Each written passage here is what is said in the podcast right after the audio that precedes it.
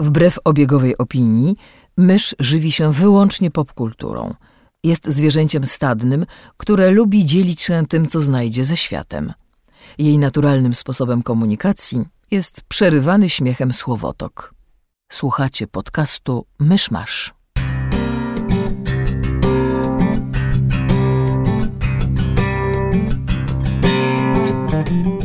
Drodzy słuchacze, jest 24 grudnia 2018 roku, libijski Dzień Niepodległości. Zapraszam do 222 odcinka podcastu Myszmasz. Cześć, jestem Krzysiek Ceran, a ze mną przy mikrofonach siedzą Mysz Cześć! i Kamil Borek. Cześć! Wesołych świąt, jeśli tego słuchacie wtedy, kiedy to wypuścimy. Feliz Navidad. Ojej. Navidad. Kamil chodzi od tygodnia i to nuci. Mnie nie chce opuścić, niech mnie ktoś zabije. Może nie proś o takie rzeczy. Mamy bardzo wiernych słuchaczy. Tradycyjnie y, zaczynamy od y, drobnych newsów, bo pojawiły się e, trailery kilku filmów, które nas czekają w nadchodzącym roku. Jednym z nich było Men in Black International, czyli spin-off trylogii Men in Black. Szczerze mówiąc, nic o, nim, nic o nim nie wiem. Chris Hemsworth, Tessa Thompson w rolach głównych. czy to jest prequel, sequel? E, Spin-off. Spin-off. Po prostu. E, dziejący się po wydarzeniach z trylogii, bo nawet w zwiastunie tam w pewnym momencie jest portret agenta Willa Smitha i tak dalej, więc... A, no, no, a to, to pytałem. Tak, i jakby właśnie przedstawia nam, znaczy e, pokazuje nam, że organizacja Men in Black jest międzynarodowa i właśnie poznamy e, niekoniecznie amerykańską gałąź, którą do tej pory widzieliśmy. E, trailer wygląda bardzo sympatycznie. E, reżyserem tego jest, em, żebym wam nie skłamała, F. Gary Gray. To jest e, gość, który wyreżyserował także ostatnie e, Fast and Furious, czyli The Fate of the Furious. I też Włoską Robotę, remake, który ja bardzo lubię i uważam, że jest bardzo fajnie zrealizowany właśnie takim filmem em, Okej. złodziejskim. Włoska robota była sympatyczna. No właśnie, więc liczę, liczę na to, że, że wyjdzie z tego coś fajnego. E, natomiast no, po- pożyjemy, zobaczymy. Duet Hemsworth i, i, i Tessa Thompson, którzy się spotkają ponownie po, po, po tym, jak wystąpili w Thor Ragnarok. E, wydaje mi się, że będą mieli fajną dynamikę. Poza tym fajnie, że mamy kobietę w, w roli agentki, bo e, jakby ten motyw się pojawiał w, w No, oryginalnej trylogii, ale Końcówka pierwszego filmu sugeruje ci, że w następnym będzie kobieta, ale a, nie. Nie, a potem się z tego rakiem wycofują, więc e, szkoda.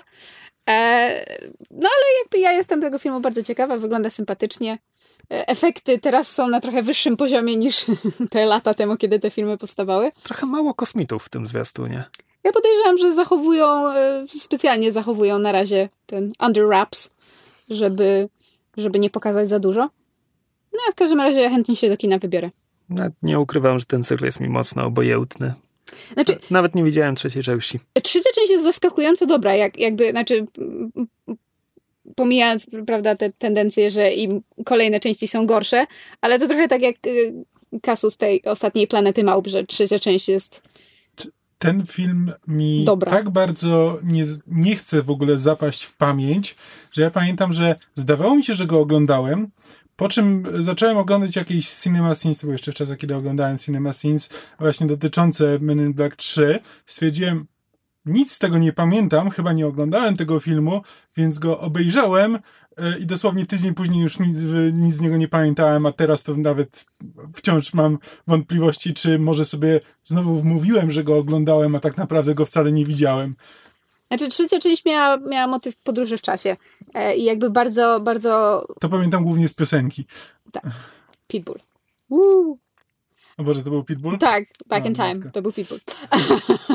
Pitbull jeszcze wróci w tym odcinku, ponieważ będziemy omawiać Aquamana.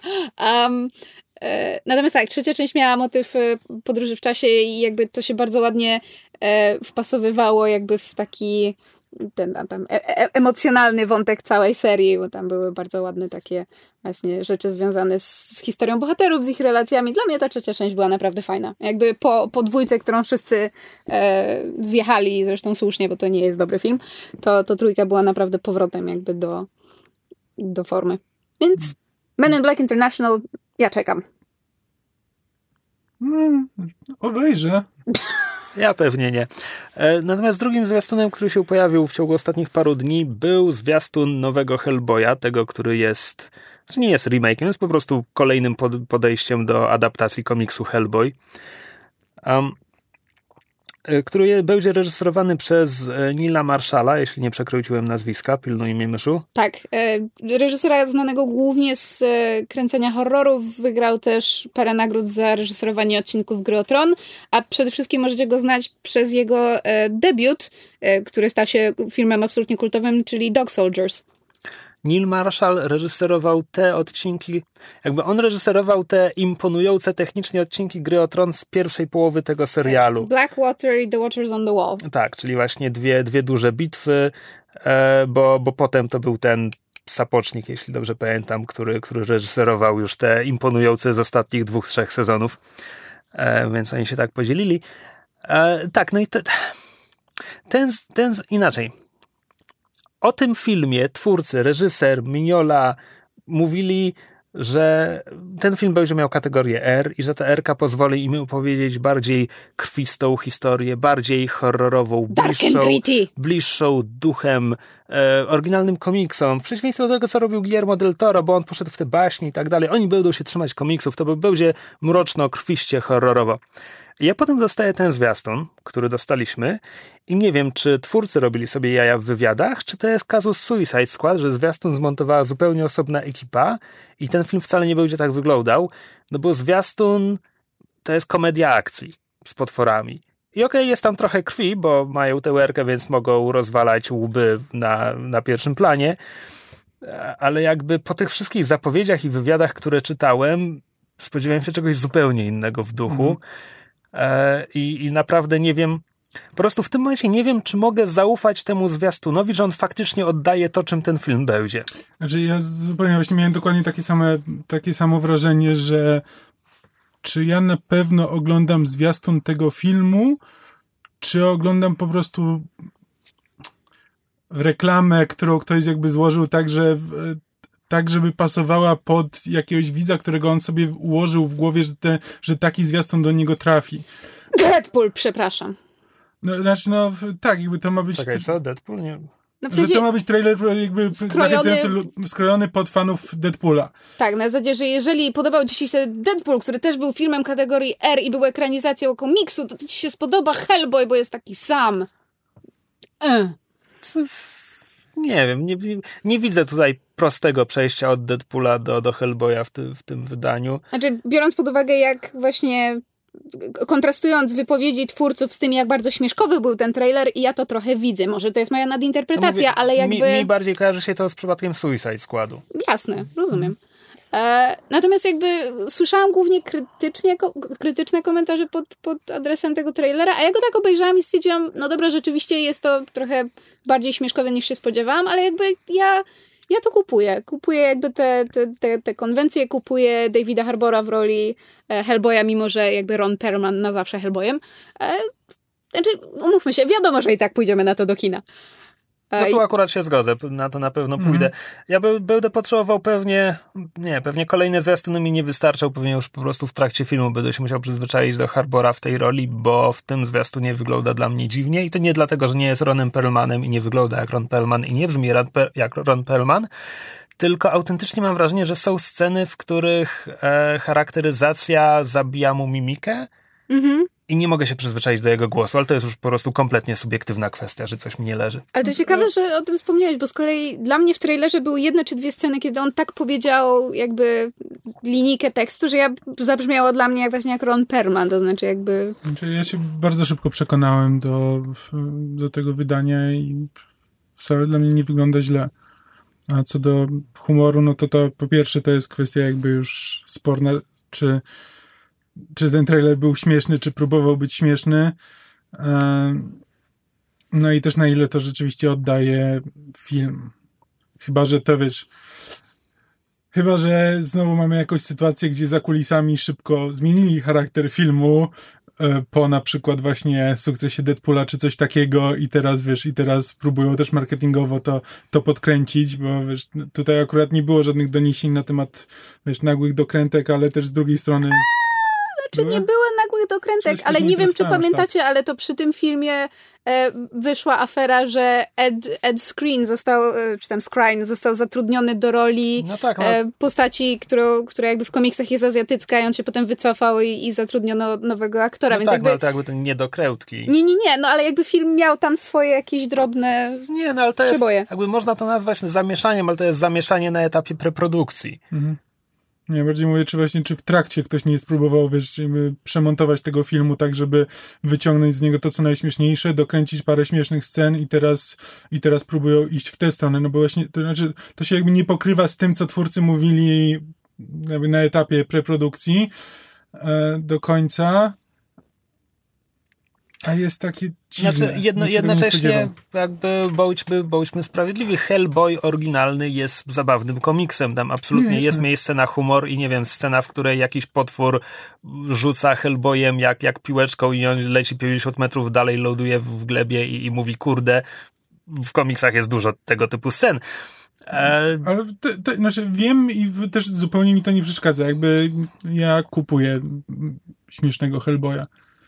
ja pozostaję nieprzekonany, ale pójdę na film i, i wtedy ocenię. A czy jakby, no bo ja nigdy komiksów Hellboya nie czytałam i nic nie wiem... o- Nic, o- ani jednego? Nie.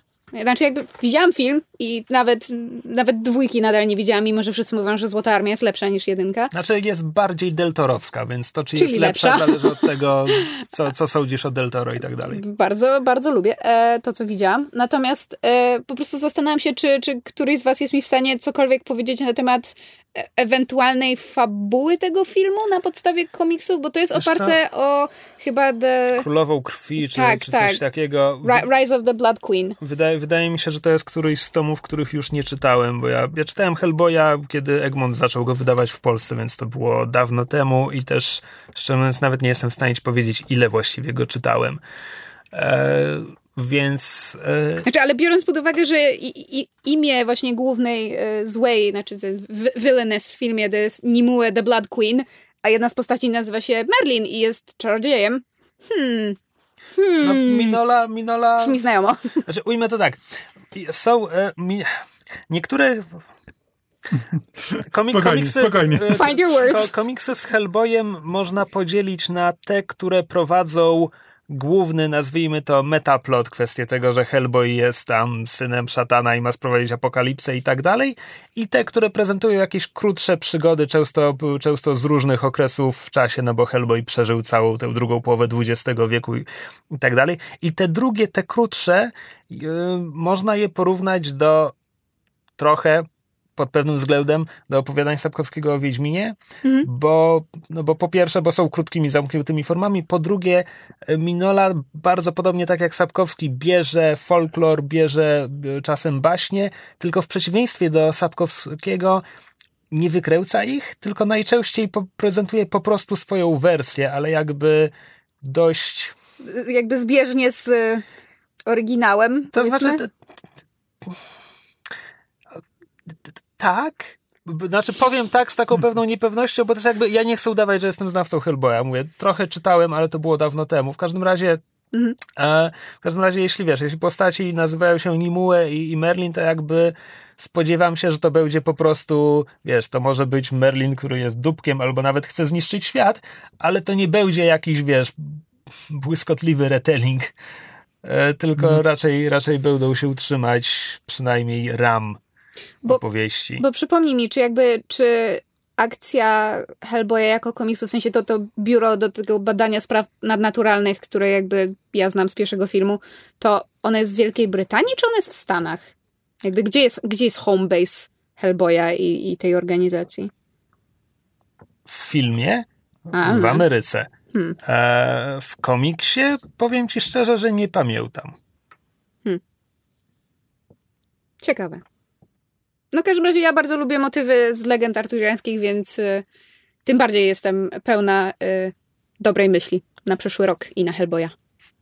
Na pewno ten profesor, który wychowywał Hellboya był Amerykaninem, bo, bo Hellboy absolutnie nie mówi z brytyjskimi naleciałościami. Akurat jego dialogi kojarzę. Tu będzie go grał, dobrze mówię, Ian McShane. A tego profesora tak. Tak. Mm. Teraz wyobraziłem sobie Iana McShane'a w roli Hellboya i to To, byłby inny film. Też prawda. Dobra, zanim przejdziemy do Aquamena, mamy y, temat od słuchacza. Y, to będzie taki krótki coaching y, mailowy, bo, Dawno nie było. bo w ciągu ostatniego roku przyszedł do nas jeden mail. Nie musiałeś tego mówić głośno. Mieliśmy stwarzać pozory bycia bardzo popularnym, profesjonalnym podcastem. Nie, po prostu komunikacja ze słuchaczami przeniosła się na komentarze Facebooka, YouTube i tak dalej. Też prawda. Maile przestały przychodzić. Tak jest. Ale dostaliśmy y, maila. Po prostu nasz podcast jest odbiciem rzeczywistego świata. My... No, W jakim komu, sensie? wysy... komu ostatnio wysyłałaś maila jakby prywatnie, nie, nie służbowego, który też by nie był przesyłaniem jakiegoś pliku? Okej, fair point. Ja to robię, ale mam znajomych w Niemczech, którzy nie używają Facebooka, więc Czy jesteś pewien, że istnieją? tak. Dobrze. E, czytamy maila od słuchacza. E, pierwsze pytanie jest skierowane do mnie.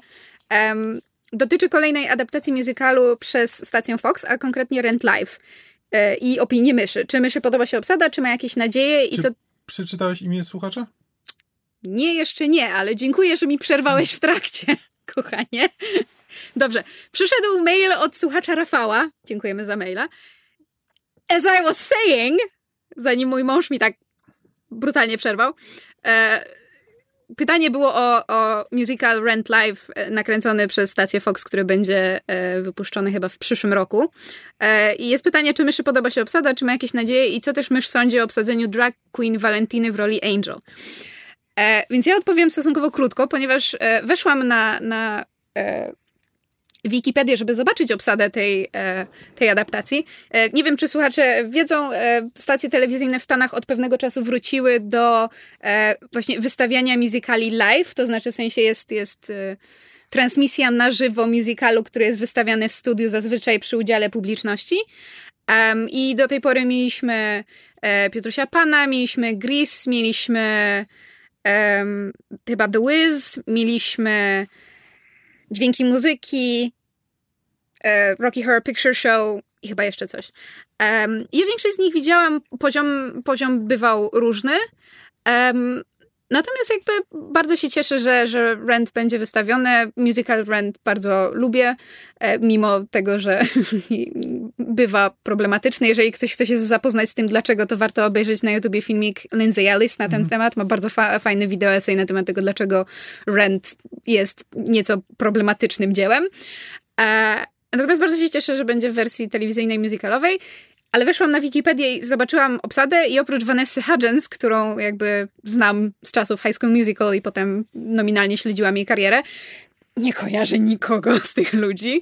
Obsada jest stosunkowo młoda, co jest o tyle fajne, że moim zdaniem bardzo pasuje do, do jakby treści musicalu, no bo dotyczy on, on jakby młodych ludzi właśnie w Nowym Jorku, którzy em, próbują sobie poradzić z życiem artystycznej bohemy i jednocześnie z e, epidemią AIDS. E, I wydaje mi się, że zachowania tych bohaterów będą miały trochę więcej sensu, jeśli oni właśnie będą młodsi, niż to na przykład było w filmie, czy na deskach sceny. E, Natomiast nic nie wiem o tych aktorach. Vanessa Hudgens jakby jest, jest bardzo fajna, świetnie wypadła w Grease, więc chyba jestem dobrej myśli. Mam nadzieję, że będzie dobrze. Natomiast e, w kwestii obsadzenia drag queen w roli Angel jestem jak najbardziej za. W ogóle, znaczy, nie, nie wiem dlaczego to miałoby być coś dziwnego albo niestosownego, ale all for it. Jej.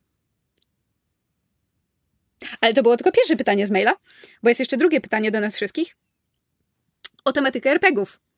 Ponieważ nie wiem, czy wiecie, ale my prowadzimy taki podcast, a od niedawna też stream i nazywa się Sesja na podsłuchu, gdzie I, I promujemy go tak subtelnie i delikatnie, że mogliście jeszcze o nim nie słyszeć. E, Ja, Im bardziej wytykasz to, że go promujemy, tym bardziej to jest promocja. No w każdym razie prowadzimy sesję na podsłuchu, gdzie e, Krzyś, a czasami inni, e, inne osoby prowadzą nam rozgrywki RPG, które e, nagrywamy, a właśnie od niedawna także są w wersji wideo, więc możecie sobie obczaić, jeśli was to interesuje. Czasem te nieprowadzone przeze mnie nawet się ukazują. Na razie jeden rzeźnik. Słucha, słuchasz tego, Rafał? w każdym razie słuchacz Rafał pyta. Zwią- Inny Rafał. Inny, Ra- właśnie, cholera. Rafał, słuchacz, który przysłał maila, e, pyta. W związku z powrotem sesji na podsłuchu i faktem, że tam raczej nie macie możliwości odpowiedzieć na komentarze oraz tym, że już dobre parę lat mówiliście, dobre parę, parę lat temu mówiliście ostatnio o swoich upodobaniach RPGowych, chciałem zapytać, czy coś się może w waszych upodobaniach zmieniło. Czy blaszane serce Kamila bucha parą dla Wolsunga? Czy krzyśkowe serce w pomarańczach wciąż lubi legendę pięciu kręgów? I czy serce myszy bije mocniej na myśl o wampirze? Jeśli coś się zmieniło, fajnie byłoby dowiedzieć się, co ową zmianę spowodowało. Więc moje serce bije mocniej do wampira na myśl o tym, że Rafał, nasz Rafał wreszcie zmontuje tego wampira i będziecie mieli okazję go posłuchać, bo jest naprawdę strasznie fajny. Znaczy, moim zdaniem fajnie wypadł. E... Ja już nie pamiętam, to było tak dawno temu. no, ponad rok w tym momencie. E...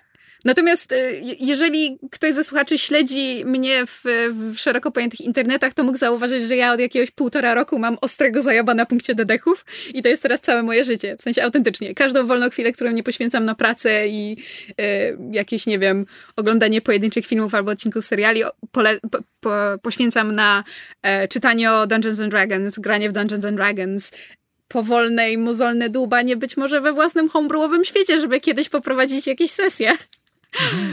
Tak, więc e, jakby to jest, to jest teraz mój, e, mój główny fokus. Do tego stopnia intensywny, że udało mi się zarazić Kamila e, i i, I teraz Kamil nam prowadzi, że tak powiem, prywatnie za kulisami prowadzi nam jedną kampanię, nasz Rafał zaczął nam prowadzić drugą kampanię, ja z kolei gram w jakichś chyba sześciu innych, przez, głównie przez internet, więc tak, lochy i smoki, ludzie. Znaczy, mi się lochy i smoki też udzieliły mm, właśnie...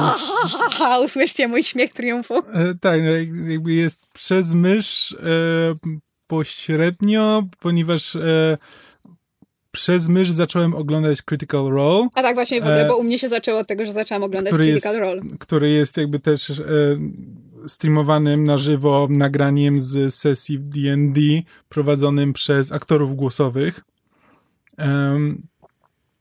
jest bardzo dobre. E, I jakby i sporo zmieniło w moim nastawieniu w ogóle do, do dedeków, bo e, dedeki zawsze uważałem za ten system, który jest tak niesamowicie mechaniczny, że to jest taka, taka planszówka e, na, tylko z elementami, z elementami roleplayowymi, odgrywania ról. A to, co Critical Role zdołało mi uświadomić, to, że, znaczy, to nie jest tak, że to się, że to, to nie jest prawda na przykład, to jest bardzo mechaniczny system, jakby są systemy mechaniczne, są systemy bardziej storytellingowe, e, na przykład no, Numenera poniekąd była trochę bardziej Numenera była mm, bardzo dziwna, stała w bardzo pomiędzy. dziwnym rozkroku pomiędzy storytellingowymi i mechanicznymi. No, Jakby Monte, Monte, Cook. Monte Cook tworzył kolejne edycje Dungeons and mhm. Dragons. A i, potem się i najwyraźniej nie potrafił się rozstać z tą przeszłością. No tak, ale są takie systemy, w których po prostu rzuca się na przykład tam jedną kostką, to ma być, jakby rzut ma być jak najszybszy, jak najprostszy, że nie musisz brać pod uwagę 10 różnych czynników, tylko po prostu to jest taki element losowy, który ma naprowadzać historię, jakby wprowadzać ten element improwizowany do historii, ale nie ma być, nie ma być tym elementem, nad którym się zastanawiasz, co teraz masz zrobić i którą z e, wielu możliwości wykorzystać. No a Dungeons and Dragons jakby mimo zmian, które teraz zostały wprowadzone w piątej edycji, która powszechnie jest uznawana za najlepszą, to mimo wszystko jest nadal system, który jakby pamięta swoje... Nie przesadzałbym z tym, że jest... No, dobra. Znaczy pamięta swoje korzenie jakby tego, że wziął się z, z taktycznych gier bitewno-wojennych i jakby, umówmy się, em, mechanika e, walk, czy tam encounterów, nadal jest bardzo rozbudowana. To mhm. znaczy sam fakt, że e, nawet prawda, w, w naszej kampanii, gdzie są cztery osoby, z czego jedna jest mistrzem gry, to rozegranie jednej walki, która in-game trwa mniej niż minutę, czasami potrafi trwać, nie wiem, 12-18 sekund, potrafi e, jakby na żywo trwać godzinę, półtorej, a w Critical Role czasami ponad 4 godziny to jest jedna tylko i wyłącznie walka. Jak odcinek Dragon Balla. No tak, trochę tak. tak. E, ja kiedyś, szczególnie jak my jak my zaczynaliśmy grać, e, jak byliśmy dzieciakami, które po prostu po raz pierwszy usłyszały o RPGach i próbowały ogarnąć w ogóle o co chodzi. Może wytłumacz, to... że pokazujesz w tym momencie na Krzyśka, bo podcast to nie jest dobre medium do pokazywania. E, tak, tak. W sensie mówię my, no w sensie ja, Krzysiek, jakby nasi, nasi znajomi jakby zaczynaliśmy Rafał. grać e, w podstawówce, e, potem tam przez gimnazjum i tak dalej. Mm. I dedeki mi się kojarzyły z tym systemem, w którym właśnie masz tą walkę, która trwa wiele, wiele godzin, i w którym jakby nie ma wiele historii, ponieważ masz walkę, w które, która trwa wiele, wiele godzin. No, hack, hack and slash albo dungeon crawl, tak. najprostszy. Natomiast to, co jakby Critical Role robi dobrze, znaczy to po pierwsze, jakby ma dobrze wyważony, e, wyważone proporcje między jakby fabularnymi rzeczami a walką, a po drugie, jakby pokazuje, że walka też jest, też może być elementem roleplayowym, też jest czymś, przez co postaci się wyrażają. E, I jakby i można to traktować na zasadzie, dobra, ja go siekę, rzucam, zadaję, zadaję 20 obrażeń, dobra, następny ten, ale można też jakby każdy ten element e, decyzji, które podejmuje dana postać w walce, tego jak wychodzą jej rzuty i jak ta postać na to reaguje, na zmieniającą się e, sytuację w walce, jakby to wszystko są elementy, które też e, sprawiają, że dowiadujemy się o tej postaci więcej, o to jak reaguje na m, mm, niepowodzenia, trudności, diabli wiedzą co jeszcze. Można to wykorzystać jakby w roleplayowy sposób. Je, i to jest coś, co, coś czego no, nie powiem, że Critical Role mnie nauczyło, bo nie, nie, nie, e, nie potrafię jeszcze tego, te, tego tak dobrze ogarnąć, ale jakby przynajmniej pokazało, że, e, że da się to zrobić, że to nie jest był taki moment jakby, w którym uważałem jakby Dedeki za taki niższy poziom RPG, że to jest ten taki e, ten RPG, który jest bardziej zabawą, a mniej historią. I też pokazało to, że wcale, wcale tak nie musi być. Ja się zgadzam ze wszystkim, co Kamil powiedział. Krzysiu? Um, ja wciąż nie przepadam za dedekami, ale nikt nie chce prowadzić niczego innego, więc gram z wami i jest nawet fajnie, ale ja nigdy w życiu nie zagram postacią, która jest tam magiem, bo ten system nie, nie, nie, nie, nie będę tego robił po prostu. E, natomiast tak, ja ja długo traktowałem systemy bardziej storytellingowe dość podejrzliwie, bo nie do końca wiedziałem, co to ma znaczyć. Bo ludzie hmm. na przykład wymieniają Świat Mroku jako system bardziej storytellingowy, co jest bzdurą, biorąc pod uwagę, jaką beznadziejną mechaniką Świat Mroku jest obciążony. Nowy Świat Mroku próbował uprościć parę rzeczy, inne komplikował wcale, na nowo. Też wcale tam walka w Nowym Świecie Mroku, tam jest tyle różnych... E, mechanik związanych z osłoną, tego twardością rzeczy, za którymi stoisz, kiedy ktoś do ciebie strzela, jakby próbuje symulować tyle różnych dziwnych rzeczy, że nie rozumiem właśnie, jak próbuje być jednocześnie storytellingowym, a dru- z drugiej strony symulacją wszystkiego. Tak, więc, więc zmierzam do tego, że długo wydawało, znaczy bo ludzie nazywali Świat Mroku systemem storytellingowym, więc ja myślałem, że coś w tym jest i myślałem, że pomiędzy Światem Mroku a takim że jakby, że świat mroku to system storytellingowy, a potem systemy bardziej storytellingowe to są już takie, gdzie w ogóle nie ma rzutów, gdzie po prostu jest koleżeńska rozmowa i mówimy sobie, hmm, czy byłoby ciekawie, gdyby w tej walce stało się to i to? Tak, tak, no, zaliwny, znakomicie. Intelektualny wysiłek i rozrywka. Więc moje podejście zmieniło E, zmienił moment, gdy poznałem podcast Friends at the Table, który robi to, co sesja na podsłuchu, tylko zaczął to robić lata wcześniej i robi to lepiej. Ja się nim inspiruję nieodmiennie i jest moją ambicją, żeby kiedyś robić to równie dobrze, co oni. E, oni grają, oni preferują systemy storytellingowe, tylko to oznacza po prostu to, że grają Tamten mistrz gry bardzo często żongluje systemami, nawet w ramach jednej kampanii. Po prostu w pewnym momencie kampania dociera do punktu, gdzie jakby fabuła jakoś się zmienia, albo skala wydarzeń się zmienia, i on wtedy stwierdza, że system, na którym gramy w tym momencie, nie bardzo potrafi sobie z tym poradzić. Dobra, to tę sesję rozegramy na podstawie, i tutaj pada tytuł gry indie, o której nigdy w życiu nie słyszałem, mhm. gdzie po prostu jakby importują te postaci, jeśli mhm. trzeba przypisać im statystyki, to wymyślają to tak, żeby to jakoś pasowało i, i, lecą, da, i lecą z tym dalej. E, i... To musi być strasznie konfudujące. Nie. Znaczy... znaczy... Zależy, jeśli, jeśli chcesz śledzić zasady, no to tak, no zda, zdarza się, że nie do końca rozumiem, o czym oni mówią, ale znaczy, to jest Bardziej, Oni stawiają na historię, więc. Bardziej myślałam z punktu widzenia graczy. Słuchaj, no, mają w tym wprawy w tym momencie. E, w każdym razie, więc, więc ich systemy storytellingowe po prostu polegają na tym, że jakby, no nie wiem, no, zawsze rzucasz dwoma kostkami, dodajesz do tego jedną liczbę i to ci jeden taki rzut ustawia ci całą scenę. I to, to, są systemy, które odchodzą od, nie wiem, czegoś takiego jak hapeki, po prostu jest fabuła i tak dalej. Są rzuty, są mhm. rzuty, które można bardzo zrobić, są komplikacje, które strasznie, jakoś bardzo dziwnie się patrzysz. Bo jak to całą scenę? Nieważne, nie, nie będę wchodził w szczegóły w tym momencie. E, zmierzam do tego, że to jest system, który znaczy system, e, że to jest podcast, który pokazał mi po pierwsze, jakie te systemy mogą być, jakie możliwości oferują, jakie historie można w nich opowiadać i jak to robić. E, przez co zacząłem się bardziej interesować tymi grami, e, przez co moje zamiłowanie do bardziej mechanicznych systemów opadło. Palszej, że za dedekami nigdy nie przepadałem. E, więc na marginesie nadal dobrze wspominam legendę Pięciu Kręgów.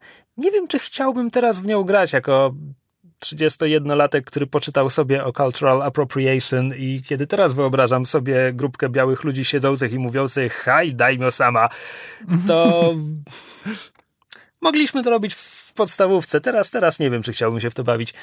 A w każdym razie Friends at the Table jest miejscem, gdzie po raz pierwszy usłyszałem nie, to nieprawda. Y, słyszałem o Blaze in the Dark wcześniej. We Friends at the Table po raz pierwszy spotkałem się z tym, jak właściwie wygląda w to gra i stwierdziłem, że wow, to jest świetne, ja to chcę. No i wiele lat później Ghostpunk. Mm. w dużym skrócie. Więc jeśli chodzi o zmiany moich upodobań, no to uwielbiam Blades in the Dark. Wydaje mi się strasznie fajnym systemem do bardzo konkretnego gatunku historii, w sensie o tej grupie ludzi w tym konkretnym mieście, a poprowadzenie kampanii w jednym mieście, sprawienie, żeby w kolejnych scenariuszach, kolejnych przygodach to miasto wypełniło się szczegółami i ożyło, to jest jakaś moja ambicja, którą ja miałem od bardzo dawna. Ja miałem trzy różne pomysły na kampanię w Magu, z którą chciałbym coś takiego zrobić i mm. próbowałem to kiedyś robić, to nigdy nie wychodziło tak, jak miało, więc Ghostpunk jest pierwszym podejściem, które po, po tych pierwszych kilku przygodach mogę powiedzieć, że, że to się sprawdza na razie mniej więcej tak jak po raz pierwszy to wypada mniej więcej tak jak miałem nadzieję, że będzie wypadać, więc, więc jestem bardzo zadowolony. I jeśli chodzi o moje zmieniające się podejście do RPGów, to chyba tyle. Um, bo ja też, póki nie wciągnęliście mnie w Dedeki teraz, to ja nie grałem. Jakby poza tymi sesjami, które prowadziłem w Numenere, tym wszystkim, co, co słuchacze mogli usłyszeć, ja praktycznie nie grałem. Prowadziłem X-Menów przez forum, ale znowu nie grałem, ktoś musiał prowadzić. E, więc też nie miałem doświadczenia praktycznego z wieloma systemami. Znaczy ten element jakby worldbuildingowy w RPGach też jakby z biegiem lat e, zaczął mnie dużo bardziej interesować, bo kiedyś jakby był świat i w tym świecie się grało. E, I to jeszcze było tak, że jakby w zależności od tego, czy znaliśmy go lepiej, czy gorzej, no to w, e, jakby pamiętam, że nasze sesje, sesje na przykład w świecie mroku to jakby świat był taki. To nie jest tak, że my tworzyliśmy własną wersję jakiegoś świata, ale to też nie była prawdziwa wersja świata, tylko to było takie jakby dokładnie nasze wyobrażenie o tym, co było jakby nawet które po prostu przyjmowaliśmy za pewnik. To nie było to, że my się zastanawialiśmy nad tym, jak wygląda, jak wygląda Nowy Jork e, w świecie mroku, tylko po prostu Nowy Jork wyglądał tak, jak my go znaliśmy z filmów. Mam takie wrażenie, że jakby że mieliśmy jakąś taką wspólną wizję, która się zasadniczo pokrywała, ale to też nie była jakby stworzona wizja na potrzeby gry, nie była też dokładnie tą wizją z podręcznika, tylko takie e, po prostu, no był, bo tak, bo się przyjmowało, ale o Absolutnie. tym świecie nie myśleliśmy. Przecież, przecież my nawet nie spojrzeliśmy na mapę Nowego Jorku grając wtedy, więc to było mm takie, co Nowy Jork ma pięć dzielnic, pięć dzielnic, tak, okej, okay, a które są z nich na wyspie? A nie wszystkie? Nie? Hmm. Hmm.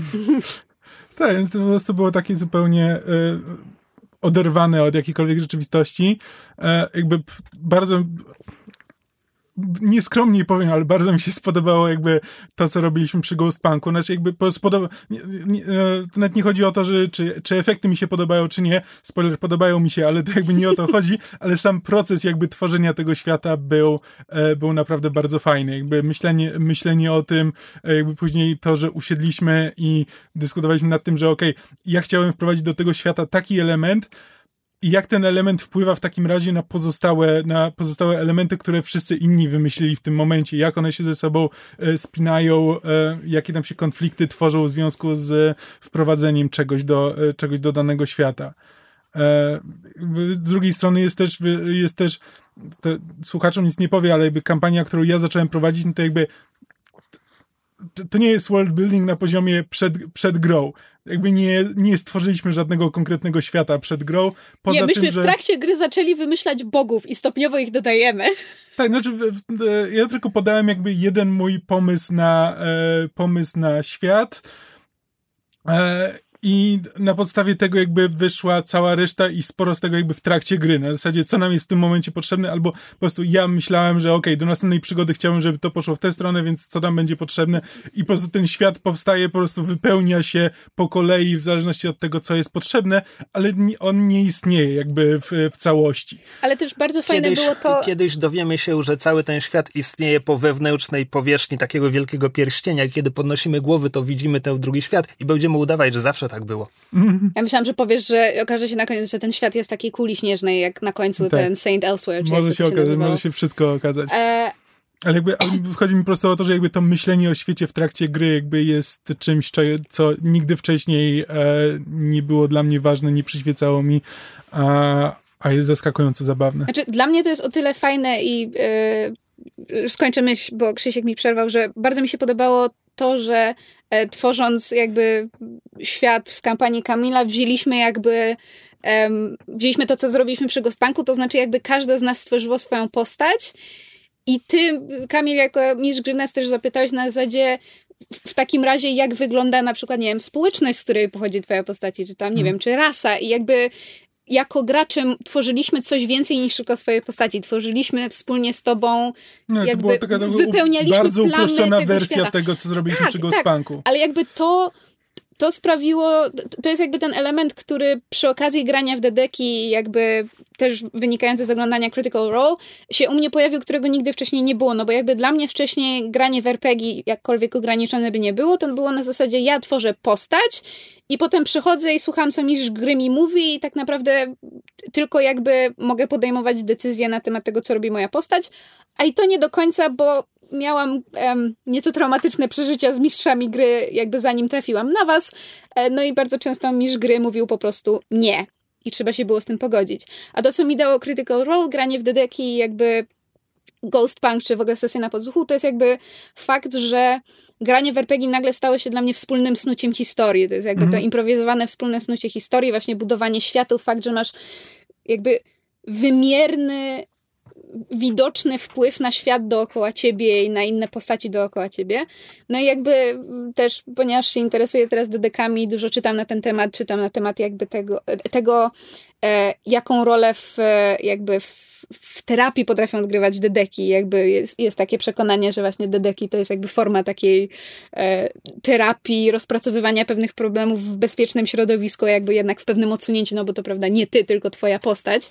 E, I muszę powiedzieć, że dla mnie to jest bardzo ciekawe doświadczenie, no bo e, nigdy też nie grałam w żadną kampanię na tyle długo, i na tyle intensywnie, żeby się bardzo do postaci przywiązać i naprawdę jakby zacząć analizować jej działania i decyzje, które, które podejmuje, będąc nią. I na przykład parę dni temu się zorientowałam, że na siedem postaci, które mam i którymi w miarę regularnie grywam, sześć ma jakiś związek z wiarą albo religią. Co dla mnie jako ignostyka jest szalenie dziwne i się zaczęłam autentycznie zastanawiać, skąd to się bierze, bo jakby praktycznie nawet te postaci, które nie zaczynały jako związane z religią, czy na przykład nie są, nie wiem, paladynem, czy klerykiem, czy nie są e, warlockiem, a warlocy mają jakby, ich magia bierze się z tego, że mają jakiegoś swojego patrona, więc jest jakby ta taka relacja, mhm. prawda, z siłą wyższą. Nawet postaci, które nie zaczynały jako postaci religijne, z biegiem kampanii zaczynały z jakiegoś powodu szukać właśnie wiary albo religii, albo jakiejś, jakiegoś, nie wiem, sensu życia, czy właśnie jakiegoś kontaktu z, z wyższą siłą. I nie wiem, czy to jest po prostu specyfika dedeków jako gry tego, że ci bogowie zazwyczaj w dość realny sposób oddziałują na świat, czy po prostu nie wiem, czy to wynika z jakichś moich, e, że tak powiem, też poszukiwań sensu życia, ale właśnie ten taki bardzo, o wiele głębszy, psychologiczny, jakiś taki emocjonalny aspekt grania w RPG nigdy wcześniej e, że tak powiem, nie, miał u mnie miejsca i, i, i muszę powiedzieć, że jestem bardzo zadowolona właśnie, że, że mogę to teraz eksplorować grając w mhm. RPG. Czy też właśnie takim fajnym zabiegiem jakby to jest to, co często Krzysiek jakby robi na, na, na naszych sesjach w Ghostpunka, jakby jest dobrym, dobrym zabiegiem dla mistrzów gry ogólnie, tworzenie świata niejako na bieżąco, to znaczy to się wydaje taki, że to jest element, który byłby, psułby imersję. Na zasadzie jest takie przekonanie, że no, gracze są graczami, odpowiadają za swoje postaci, mistrz gry odpowiada za całą resztę świata. E, natomiast jeśli na przykład, nie wiem, jest na sesji sytuacja taka, że nie wiem, ktoś umarł i w tym momencie na przykład gracz musi zadać pytanie, ok, jak wyglądają e, rytuały e, Pogrzebowe. pogrzebowe jakby w tym świecie. E, to jakby takie tradycyjne przekonanie jest, że w tym momencie mistrz gry ci powinien opowiedzieć jakby jak wyglądają, jak wyglądają te rytuały, podczas gdy my na przykład jakby w naszych grach to często by w takiej sytuacji Krzyk by powiedział nie wiem, jak wyglądają. Zastanówmy się nad tym, jakby i, Mhm. i możemy w tym momencie jako gracze też rzucić nasze pomysły e, na podstawie i to po pierwsze i to wbrew pozorom nie psuje imersji, bo właśnie sprawia, że gracze muszą zacząć myśleć o świecie, muszą Angażują zacząć myśleć o bardziej. tym, tak, Mhm. angażują się bardziej, bo myślą o tym, jak wygląda ten świat, w którym żyją, jakby muszą pomyśleć, że co wpływa normalnie na, y, y, na rytuały pogrzebowe, na to, jak wyglądają w naszej kulturze i w takim razie, jakie rzeczy z tego, co do tej pory jakby widzieliśmy y, w danym świecie, w tej grze, by wyglądało, by się przełożyło na te rytuały w tym świecie. Więc to jest naprawdę bardzo fajny zabieg, którego nie wiem, mam wrażenie, że w RPG się dosyć rzadko stosuje. Jakby mistrz gry ma takie przekonanie, że powinien być e, też mistrzem tego świata i wiedzieć, doku- wiedzieć o nim do, dokładnie wszystko. Znaczy wiesz co, no, my, my tak naprawdę zawsze byliśmy taką e, jak to się nazywa, izolowaną grupą. Mm. Zawsze graliśmy ze sobą, mało Tak, graliśmy tak. z innymi ludźmi. Mm, też E, więc więc e, ja nie chcę tutaj generalizować, co robią inni, bo trudno mi powiedzieć, nie grałem z innymi. Znaczy nieprawda, grałem trochę, mało. E, Natomiast, e, bo mówisz o mnie miłe rzeczy i mi jest bardzo miło, ale chcę też być uczciwy, więc chcę powiedzieć, że e, ja dużo biorę z Friends at the Table, Ja wiem, wiem. bo naprawdę słuchanie... Nie, serio? Chcę, chcę, żeby słuchacze to wiedzieli, bo słuchanie tamtego podcastu autentycznie stuprocentowo zrobiło ze mnie lepszego mistrza Mhm. gry. Ja o tym wiem, wiem, że jeszcze mogę się poprawić w wielu różnych dziedzinach, ale jakby i tak widzę, jaki postęp zrobiłem w ciągu ostatnich paru lat i w bardzo dużej mierze to jest, to jest dziełki temu, że e, Austin Walker, który, który prowadzi Friends at the Table jest rewelacyjny. Mhm. Niesamowity. To ja jeszcze chciałam dwie tylko rzeczy wspomnieć a propos właśnie zmiany nastawienia do RPGów. Jedna rzecz to jest to, że przestałam widzieć em, jakby dynamikę rozgrywki jako e, mistrz gry kontra gracze, w sensie jakby, bo tak, Ta- zaczy, tak zaczynałam zły mistrz gry naprawdę cię skrzywdził. O Chryste, i Zły to jak? gry boli, Boli całe bardzo, życie. No, prawie. bardzo długo. Bardzo długo, tak. Gdyby nie Critical Role, to by bolał pewnie do dziś.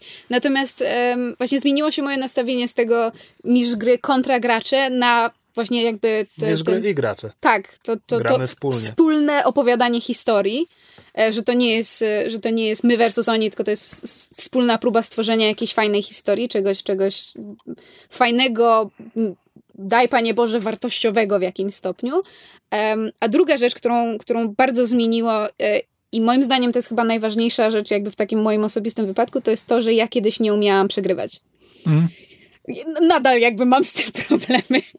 E, natomiast właśnie oglądanie Critical Role i jakby tego, jak, jak wiele w sumie najlepszych, najciekawszych, najbardziej poruszających momentów wynika z porażek. Mhm. I to zarówno tych, które wypadają na kościach, jak i e, jakby wiarygodnego grania postacią. To znaczy, jeżeli postać by zrobiła coś, co mimo wszystko zepsuje plany drużyny albo, albo stanie się jakby początkiem jakiegoś większego konfliktu, jakby nadal to robisz, bo postać by tak zrobiła. I wiadomo, że tutaj trzeba balansować na granicy pomiędzy postać by tak zrobiła, a jestem dupkiem i nie myślę o reszcie drużyny, ale właśnie to takie, to, to, to, to, to się nazywa lean into the failure, czyli jakby to patrzenie na porażkę jako na możliwość do pociągnięcia historii w nieoczekiwanym kierunku. To jest bardzo trudna sztuka nauczyć się jako gracz podejmować swoją postacią złe decyzje, dlatego że to jest zgodne z tym, kim ona jest, albo Mhm. dlatego, że w tym momencie, w tym punkcie historii, jakby to jest decyzja, która powinna zostać podjęta. To nie jest optymalna decyzja z punktu widzenia, wiesz, czy wygramy tę kampanię, czy zdobyłdę dużo punktów doświadczenia, Mhm. czy o czymkolwiek w, w danym systemie można myśleć.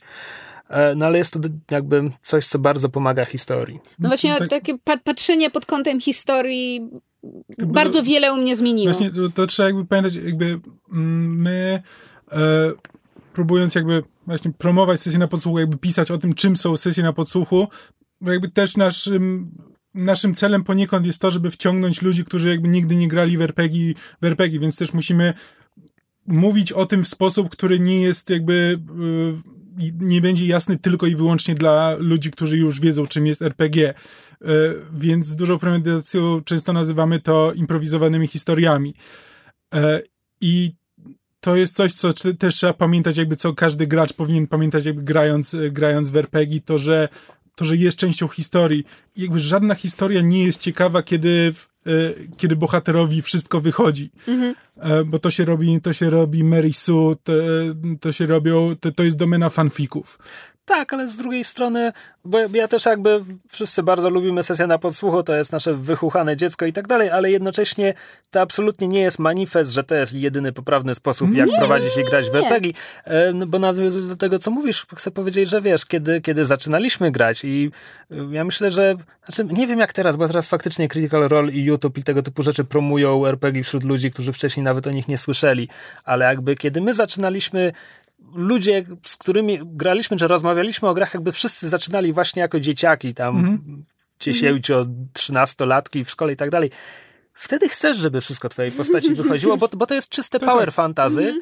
I jakby i to też jest fajne. Znaczy, nie, w tym momencie by mnie to strasznie nudziło, ale, Dokładnie, to, ale to, to jest, jest, fajne to jest to, w pewnym momencie życia. To jest kwestia tego, jakby na czym ci zależy. Czy to ma być właśnie takie wish fulfillment, czy to jakby jest spełnienie tego, że po prostu chcesz być kimś, kim nie jesteś, kimś dużo lepszym, właśnie kimś, komu wszystko wychodzi, czy właśnie chcesz stworzyć jakąś historię, um, no to już każdy musi sobie odpowiedzieć. No my teraz mówimy jakby z perspektywy osób, które no już mają tam część tych etapów za sobą i to się zmienia. I jak usiądziemy tutaj za kolejne pięć lat, to będzie, będziemy pewnie jeszcze dochodzili do zupełnie innych wniosków. U, przygotujcie się. Sesja na podsłuchu, rok 2028, co druga przygoda dotyczy czyjegoś rozwodu.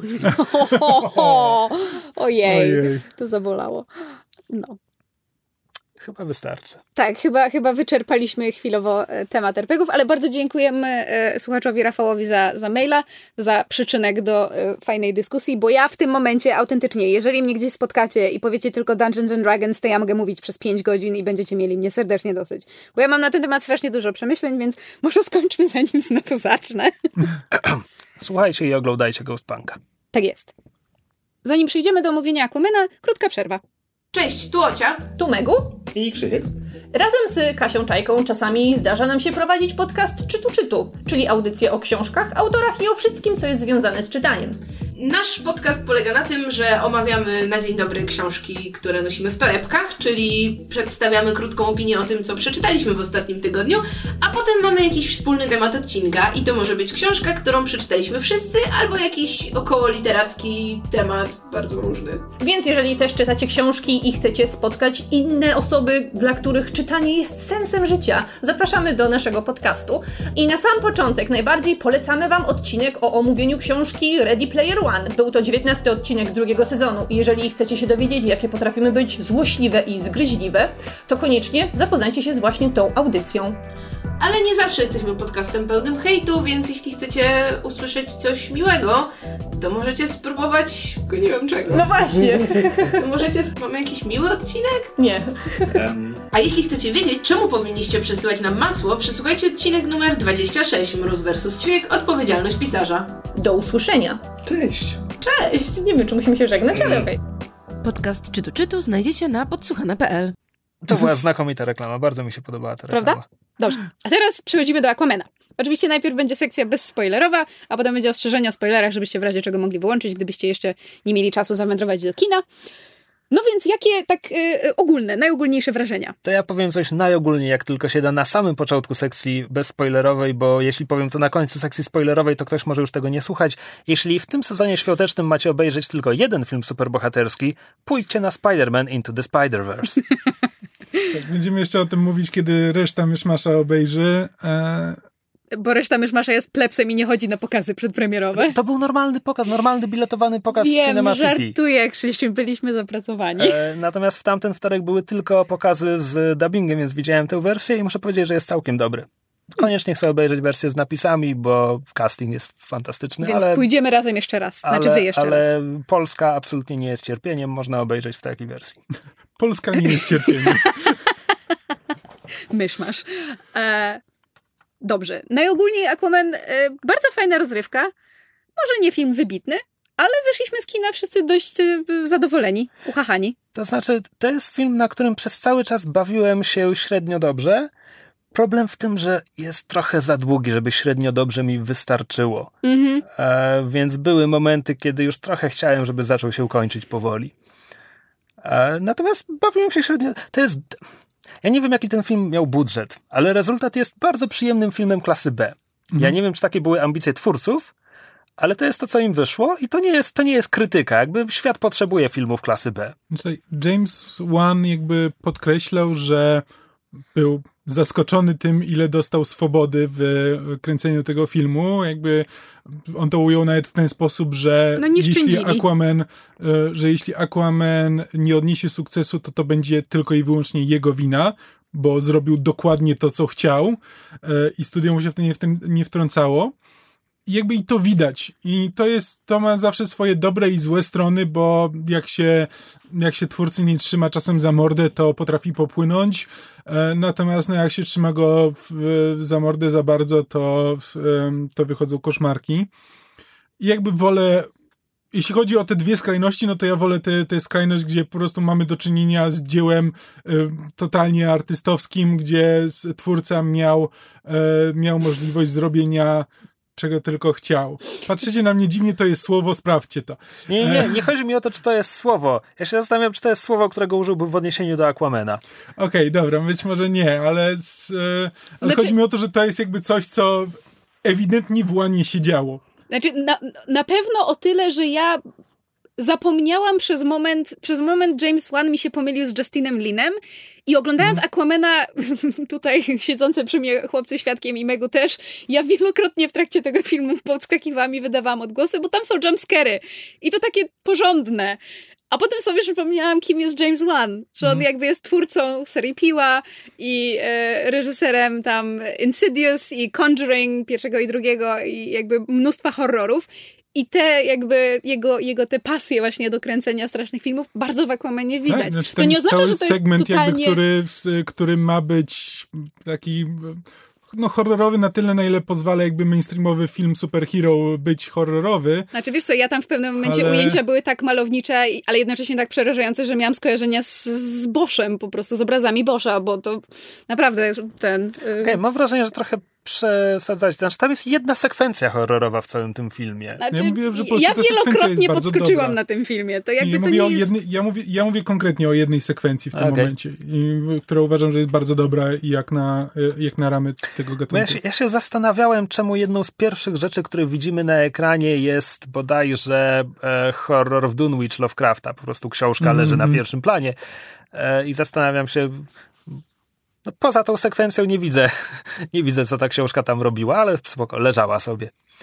Nie, to bardziej właśnie tylko, tylko i wyłącznie chodziło jakby o ten jeden konkretny aspekt świata. Znaczy, jeżeli już do czegoś e, film, że tak powiem, znaczy czy ja- jakimś motywom e, film się kłania, to raczej w pewnym momencie też e, pada nazwisko Juliusza Werna. No to z kolei jest pierwsze zdanie filmu. Tak, i właśnie z tym, jakby z, jakby z podróżą do wnętrza Ziemi, z tego typu bardzo takimi przygodowymi e, historiami Aquaman ma o wiele więcej wspólnego, moim zdaniem. E, to, co też myślę, że należy powiedzieć przy ogólnym e, podsumowaniu filmu, to, to jest, że to jest naprawdę wizualnie bardzo piękny Kolorowy film, film. kolorowy, tak. E, I to się zawiera zarówno w e, designie kostiumów, który tutaj po wyjściu z, z, z kina, zarówno ja i Krzysiek, żeśmy zwrócili uwagę, że jakby są one bardzo ciekawe i fajnie przemyślane. Muszę powiedzieć, że chyba nie było jeszcze dotąd filmu, który tak bardzo nie przepraszałby, że jest ekranizacją komiksu. W sensie, jeśli chodzi o kostiumy bohaterów, Były filmy, gdzie miałeś, no to jest, to jest wierny kostium, ale na przykład MCU zawsze walnie ci te tekstury, masz widzieć, u to jest zbroja, to jest jakiś nanopancerz, to jest, to jest wszystko realistyczne i w ogóle, a tutaj patrzeć jakby, to, mogę to powiedzieć, bo to było, było w zwiastunach i na plakatach i w ogóle, Aquaman ma pomarańczową zbroję z łuskami, z zielonymi naramiennikami, z płetwami na łokciach i płetwami na łydkach, bo tak biega w, ko- w komiksie i tak biega w tym filmie. E, Ocean Master ma ten swój idiotyczny hełm z płetwami, bo tak biega w komiksie i fioletową zbroję. Jakby Black Manta ma ten gigantyczny czarny hełm, po prostu. Okej, dobrze, tutaj pada jedno zdanie, żeby to uzasadnić, że jest Tak, ku to temu mi się powód. bardzo To podobało. jest jedyny moment, w którym ten film udaje, że okej, dobra, tu już trochę przesadzamy, powiedzmy czemu to tak wygląda. We're gonna need a bigger helmet. Ale poza tym Black Manta wygląda tak, jak wygląda Black Manta, kropka. Tak, e, w ogóle on, on jest niesamowicie komiksowy, bo że po pierwsze jest kolorowy, to już powiedzieliśmy, ale jest sporo filmów, które są kolorowe i nie wiedzą, co z tymi kolorami zrobić. Po prostu srają nimi po całym ekranie, przepraszam. E, ale, e, ale tutaj autentycznie, biorąc... Pies, który zjadł paczkę skitelsów. Myślałam o czymś bardzo podobnym. Ojej. em, E, mamy 5 lat. Ale tutaj autentycznie patrzyłem na to i film jest przeładowany CGI. Jak film jest przeładowany CGI, to właściwie ja się zazwyczaj wyłączam. Znaczy nie zależy mi na niczym, co się dzieje. Jakby jeśli jest scena akcji, która jest praktycznie, wiesz, w całości CGI-owana, to, e, to ja się wyłączam, bo, bo nie mam żadnego, nie czuję żadnej więzi z tym, co się dzieje na ekranie. Natomiast y, tutaj jakby ta kompozycja kadrów jest za każdym razem mam wrażenie, że jest przemyślana. Jakby to nic, nic nie jest tam przypadkiem zrobione. To nie jest tak, że po prostu a walnijcie mi teraz jakieś ładne miasto, walnijcie mi tutaj jakiś ładny, ładny widoczek, tylko autentycznie mam wrażenie, że te kolory są wykorzystywane z pomysłem, że każdy, że każdy kadr jest skomponowany, a nie tylko wrzucony na zasadzie zbudowaliśmy tutaj taki model, więc teraz musimy go pokazać. Ja bym chciała do tego nawiązać, ponieważ byłam bardzo ciekawa, kto odpowiadał w filmie za kinematografię, ponieważ jakby, jeżeli... Zdjęcia, w sensie. Znaczy, tak, w sensie cinematography. Cholera jasna. Tak. Bo, bo jakby jeżeli zwróciłam uwagę w filmie, że, że jakby, że film jest ładny, że jest właśnie piękny, malowniczy, że kadry są, są e, ciekawe, interesujące. Na przykład, nie wiem czy zauważyliście, ale tam jest bardzo dużo jakby takich szerokich kadrów, które jakby stwarzają e, poczucie skali. Też w scenach akcji. Pomijam, że niektóre sceny akcji są strasznie fajne, bo są na jednym ujęciu, co w walkach jest super. E, Ale byłam po prostu bardzo ciekawa, dlaczego tak jest. I się okazało, że za zdjęcia w tym filmie odpowiada Don Burgess. To jest, to jest e, operator, który od, e, przede wszystkim bardzo dużo e, pracował z Robertem Zemeckisem, między innymi przy na przykład przy Foreście Gumpie. I to jest po prostu koleś, który moim zdaniem ma bardzo, bardzo dobre oko właśnie do, do takich pięknych, malowniczych kadrów, zwłaszcza właśnie takich jakby w skali. E, I się okazuje, że on z Łanem pracował wcześniej przy Conjuring 2, co też jest w sumie dziwnym wyborem dla takiego operatora, no ale to już nieistotne. I wydaje mi się, że to jest po prostu kwestia bardzo, bardzo fajnej współpracy dwóch, dwóch e, twórców, którzy mieli po prostu bardzo konkretne, fajne wizje. czy też to, co powiedziałeś o scenach akcji, znaczy to, że one są tam robione, część jakby udaje tam jedno ujęcie, czy jest na jednym ujęciu, no wcale nie na tak dużo, znaczy to sprawia momentami takie wrażenie, ale to, co mi się bardzo podobało, to jest to, że tam jest sporo takich scen, w których jakby akcja dzieje się równolegle w dwóch różnych miejscach, ale ewidentnie e, reżyser jakby w, e, razem z operatorem pilnują tego, żebyśmy zawsze wiedzieli, co jest gdzie w relacji do czego. Praktycznie każda scena, że jeśli jest moment, w którym jakby Aquaman z kimś walczy, to koniec tej walki pokazuje nam jakby w, w ujęciu widzimy i Aquamana i Mirę, która w tym momencie Mira ma, zaczyna się jej scena walki, czy tam, y, czy na odwrót. I jakby, i zazwyczaj wiemy dokładnie, gdzie jest dana postać w momencie, kiedy druga postać coś innego robi. Znaczy, jedynym wyjątkiem od tego jest finał, no ale z drugiej strony finał, em, w finale mamy już jakby wszystkie postaci się zbierają, jest wielka bitwa. Znaczy tak, scena bitwy to jest po prostu taka seria winietek, e, czy, jest takie słowo po polsku? tak. E, Ale nie wiem, czy znaczy to, chyba, co po nie, angielsku. chyba nie to, co po angielsku, ale w każdym razie taki, Mm, grupa tłumaczy, oui. taka y, szereg scenek, które niby są ze sobą powiązane, ale nie bardzo. To jest tylko po prostu fajne rzeczy, które się dzieją w trakcie bitwy, ale próbujemy to pociągnąć na jednym e, Ja- CGI-owanym ujęciu. Y, Ja mam trochę inny problem z finałową bitwą, to znaczy w filmie, gdzie wszystko dzieje się pod wodą i wszyscy unoszą się w wodzie, kiedy ze sobą rozmawiają, finałowa bitwa wygląda jak w Mrocznym Widmie u Lukasa. Dwie napoleońskie armie idą sobie po płaszczyźnie. Znaczy, okej, Atlantydzi przypływają tam na konikach morskich, ale zniżają się na dno, żeby walczyć z krabami, To nie są koniki morskie, to są jakieś smoki morskie. Koniki morskie nie mają nóżek. No tak, i koniki morskie nie rżą, jakby, a, a rekiny nie ryczą. Ten film nie bardzo się przejmuje faktami biologicznymi. Też prawda. Ale zastanawiałam się, e, kiedy i które z nas wspomni o Gwiezdnych Wojnach, bo podobno właśnie James Wan bardzo otwarcie przyznawał, że on chciał nakręcić Gwiezdne Wojny pod wodą. I w sumie mu się to udało. Ale tak bardziej prequelowo. Znaczy, no, wizualnie może prequelowo, ale z... Znaczy, biorąc pod uwagę, że George Lucas bardzo mocno się e, mm, wzorował na Flashu Gordonie, to po prostu James Wan też ewidentnie się wzorował na Flashu Gordonie. Znaczy, Tak. to jakby w- trochę z drugiej ręki opinia, bo ja os- osobiście nie widziałem Flasha Gordona, ale jakby widziałem na tyle dużo, jakby wiem o nim na tyle dużo, że no, w- wydaje mi się, że, e, że to jest... e, Flash. To się zgadza. Wspomniałeś jakiś czas temu, że tutaj każdy kadr jest przeładowany CGI i ja chciałem do tego nawiązać, bo to jest absolutnie prawda, do tego stopnia, że tutaj bardzo wiele plenerów jest bardzo wyraźnie zrobionych w komputerze. Jakby latarnia morska, w której mieszka ojciec głównego bohatera i Tak, wiele, wiele scena, innych. w której Mira z Aquamanem stoją na klifie, to po prostu za nimi jest takie, takie tło, taki green screen, że Tak, i jakby chcia- chciałem, chciałem o tym wspomnieć, bo to w sumie jest w pewnym stopniu zaleta filmu, bo ponieważ CGI jest wszędzie, to nie gryzie ci się, kiedy stwory z CGI się pojawiają, czy, c- coś się dzieje, po prostu, ponieważ wszystko jest w komputerze. Znaczy tak, masz wrażenie, że oglądasz animację, w której są żywi aktorzy nałożeni na animację, ale animowane elementy nie gryzą się ze wszystkim tak, innym. szczególnie, że jakby to pasuje jakby do y, klimatu tego filmu, bo ten film jakby nie nie stara się być zakorzeniony jakby w realnym świecie. On nam pokazuje jakby w ogóle to, jak pokazuje nam Atlantydę, jakby cały, y, cały ten podmorski świat, on wygląda jak obca planeta. Y, Ten film nie stara się, to nie jest właśnie tak jak w Marvelu, że Marvel stara się, żeby to wszystko było w naszym świecie, E, że to są jakby superbohaterowie, jakby ta akcja jest, e, ta akcja jest wielka e, i bombastyczna, ale, ale to wciąż jest nasz świat. Jakby tutaj absolutnie One od tego odchodzi. To nie jest nasz świat i on nie jest zainteresowany naszym światem, on jest zainteresowany pokazaniem nam zupełnie czegoś innego. Tak, i nie będzie za to przepraszać. E, na, a czy, powiem szczerze, że y, absolutnie się z wami zgadzam, że jakby to fakt, że to jest przeładowane CGI sprawia, że to się jakoś ładnie wszystko stapia. Tak naprawdę jedyny element CGI, który mi przeszkadzał tak, że za każdym razem jak go widziałam, to, to, to mnie wybijało z tego filmu, niestety to były włosy pod wodą. Zwłaszcza w przypadku e, postaci granej przez Dolpha Lundgrena. Po prostu miałam takie uncanny valley i jestem bardzo wdzięczna filmowi, że, że większość postaci Atlantydów, te, które widujemy najczęściej, czyli e, postaci grane przez Patricka Wilsona i Willema Dafoe, mają e, Orma i Wulko. Dziękuję, Krzysztofie. E, mają ulizane włosy i widać, i mają je ulizane nie w taki sposób jakby po prostu, tylko widać, że to jest po prostu tradycyjny rodzaj fryzur e, Atlantów. I bardzo mi się podoba, że twórcy jakby, nie wiem, czy to jest z komiksów, wątpię, wydaje mi się, że twórcy to wpisali w film, żeby jakby zmniejszyć ilość włosów, które będą musieli CGI-ować, bo, bo, bo te, które zrobili, one nie były dobre.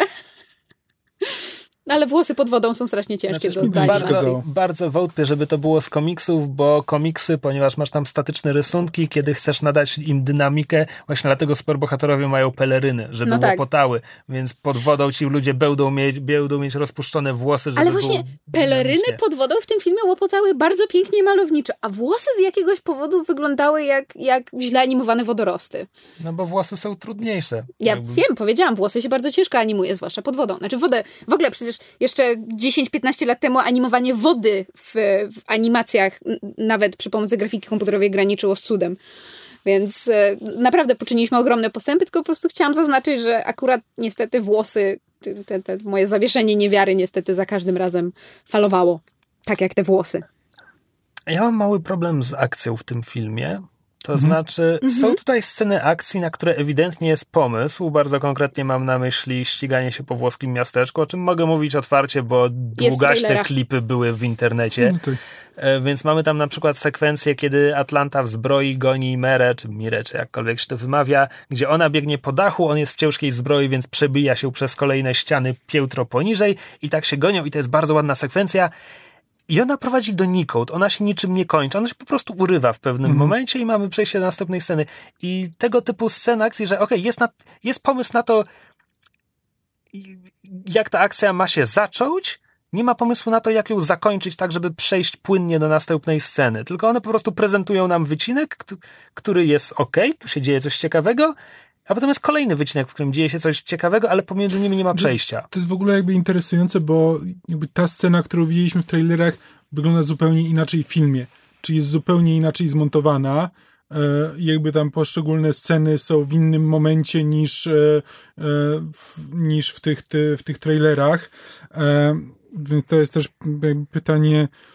Tak, to trochę, to trochę to, że jakby chcieli, tworzyli jakby dwie sceny naraz i chcieli je pokazywać, pokazywać naraz, to jakby się sprowadza do tego, że tak, są takie segmenty tej, sce- tej sceny akcji, które nie kończą się niczym poza przejściem do, do tej drugiej sceny akcji, która dzieje się równolegle. Znaczy, to jest o tyle ciekawe, bo powiedziałeś, że wiedzą jak się zacząć. A z drugiej strony myśmy po wyjściu z kina się nabijali z tego, że ten film ma tendencję do tego, że No tak, ka- ktoś wbija roz- w scenę. Każdą długą rozmowę przerywa wybuchającą sianą. Tak, i, i to jest początek prawie każdej sceny akcji, więc mm, czy fakt, że każda się zaczyna tak samo oznacza, że się zaczyna dobrze? Hm, no nie wiem. Znaczy, mia- miałem, miałem Wiem, o co chodziło chodzi. mi konkretnie o sekwencję już w trakcie sceny akcji. Jasne. E, w każdym razie tak, więc, więc takie rzeczy tam się dzieją.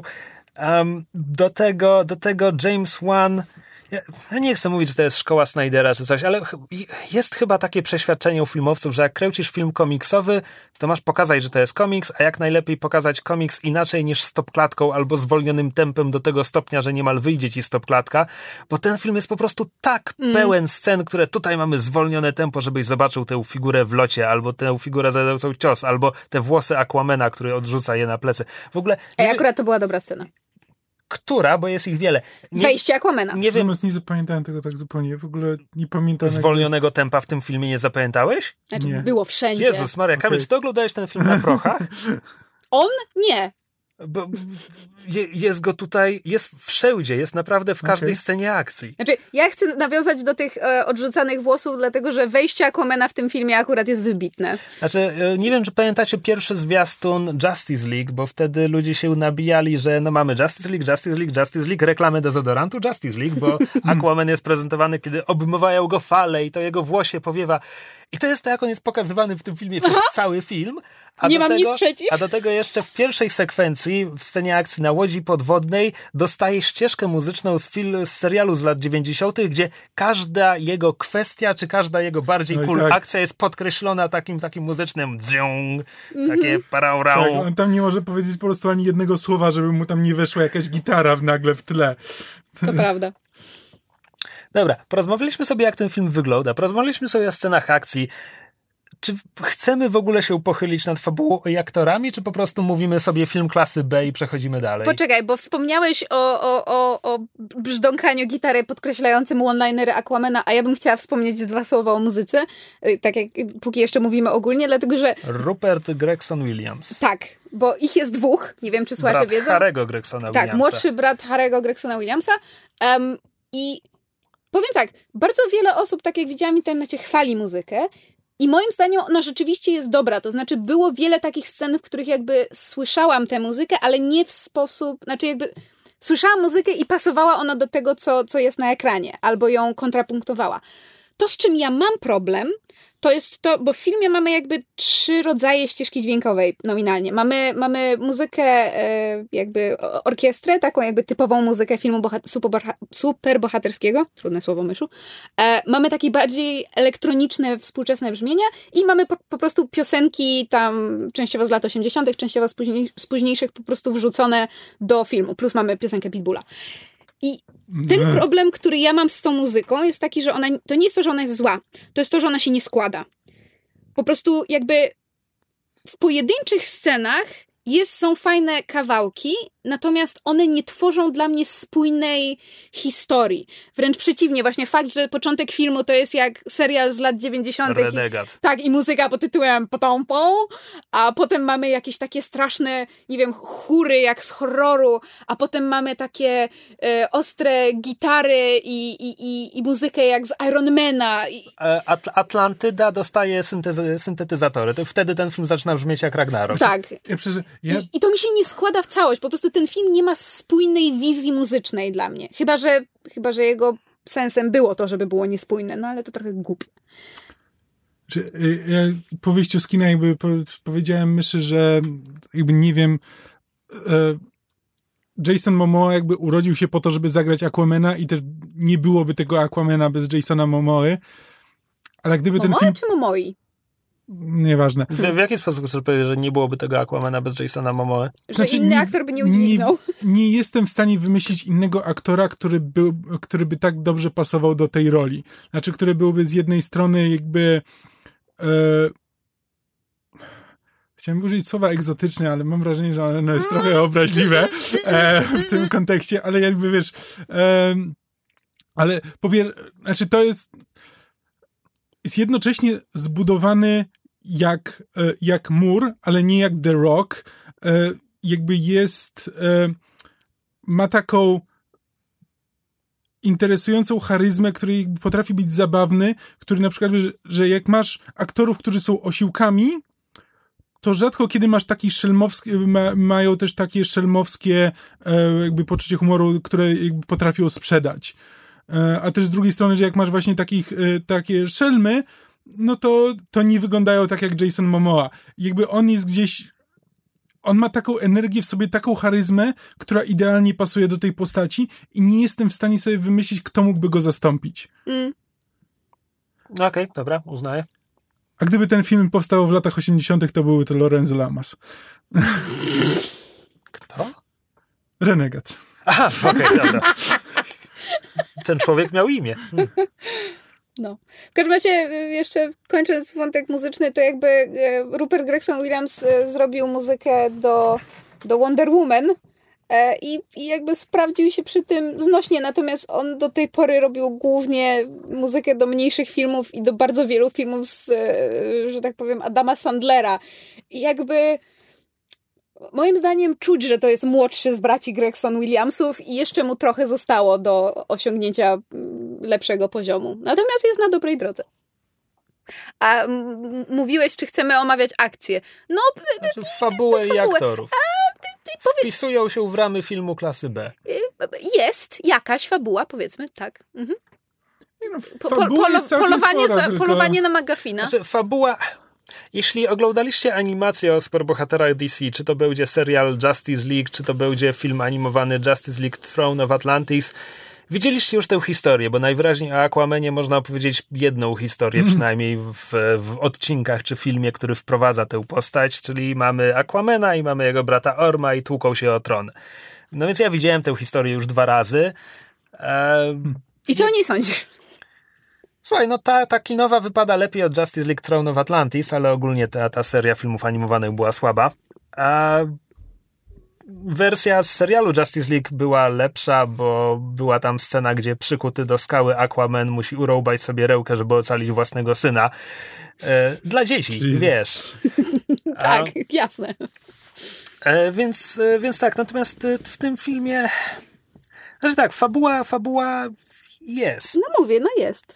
Znaczy, dużo, duża część tej fabuły to jest gonitwa za artefaktem, więc mamy, u, polecimy tutaj, tam jest wskazówka, u, polecimy tam, tam jest wskazówka i to się zawsze broni. Jakby umówmy Indiana się, Jones. e, umówmy się, można by chcieć, żeby te zagadki historyczne były trochę mądrzejsze, plus można by chcieć, żebym nie wychodził z filmu zastanawiając się, jak działa linia czasowa, że zagadka Atlantów dotyczy rzymskich legend i, i, i figur, które ewidentnie są z najpóźniej z okolic roku zerowego. Nie, muszą być trochę późniejsze nawet, ale Atlantyda, mit o Atlantydzie jest przecież starszy, więc o co chodzi, jakim, co? Co się dzieje? Nie wiem. E, natomiast e, te zagadki, to bieganie po świecie jest, jest ok. Orm ma spoko wątek, on nie jest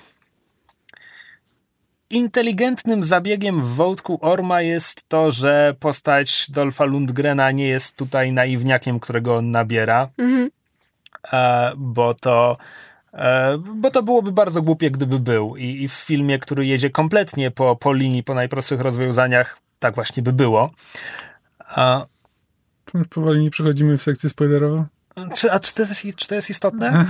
Znaczy, no bo mogę się zgodzić, że jest to pewien spoiler, ale moim zdaniem bardzo nieistotny. To Nie, jest, to jest nie, trzeciorzędny wątek. Zwracam uwagę. Um, będę się pilnował, dobrze.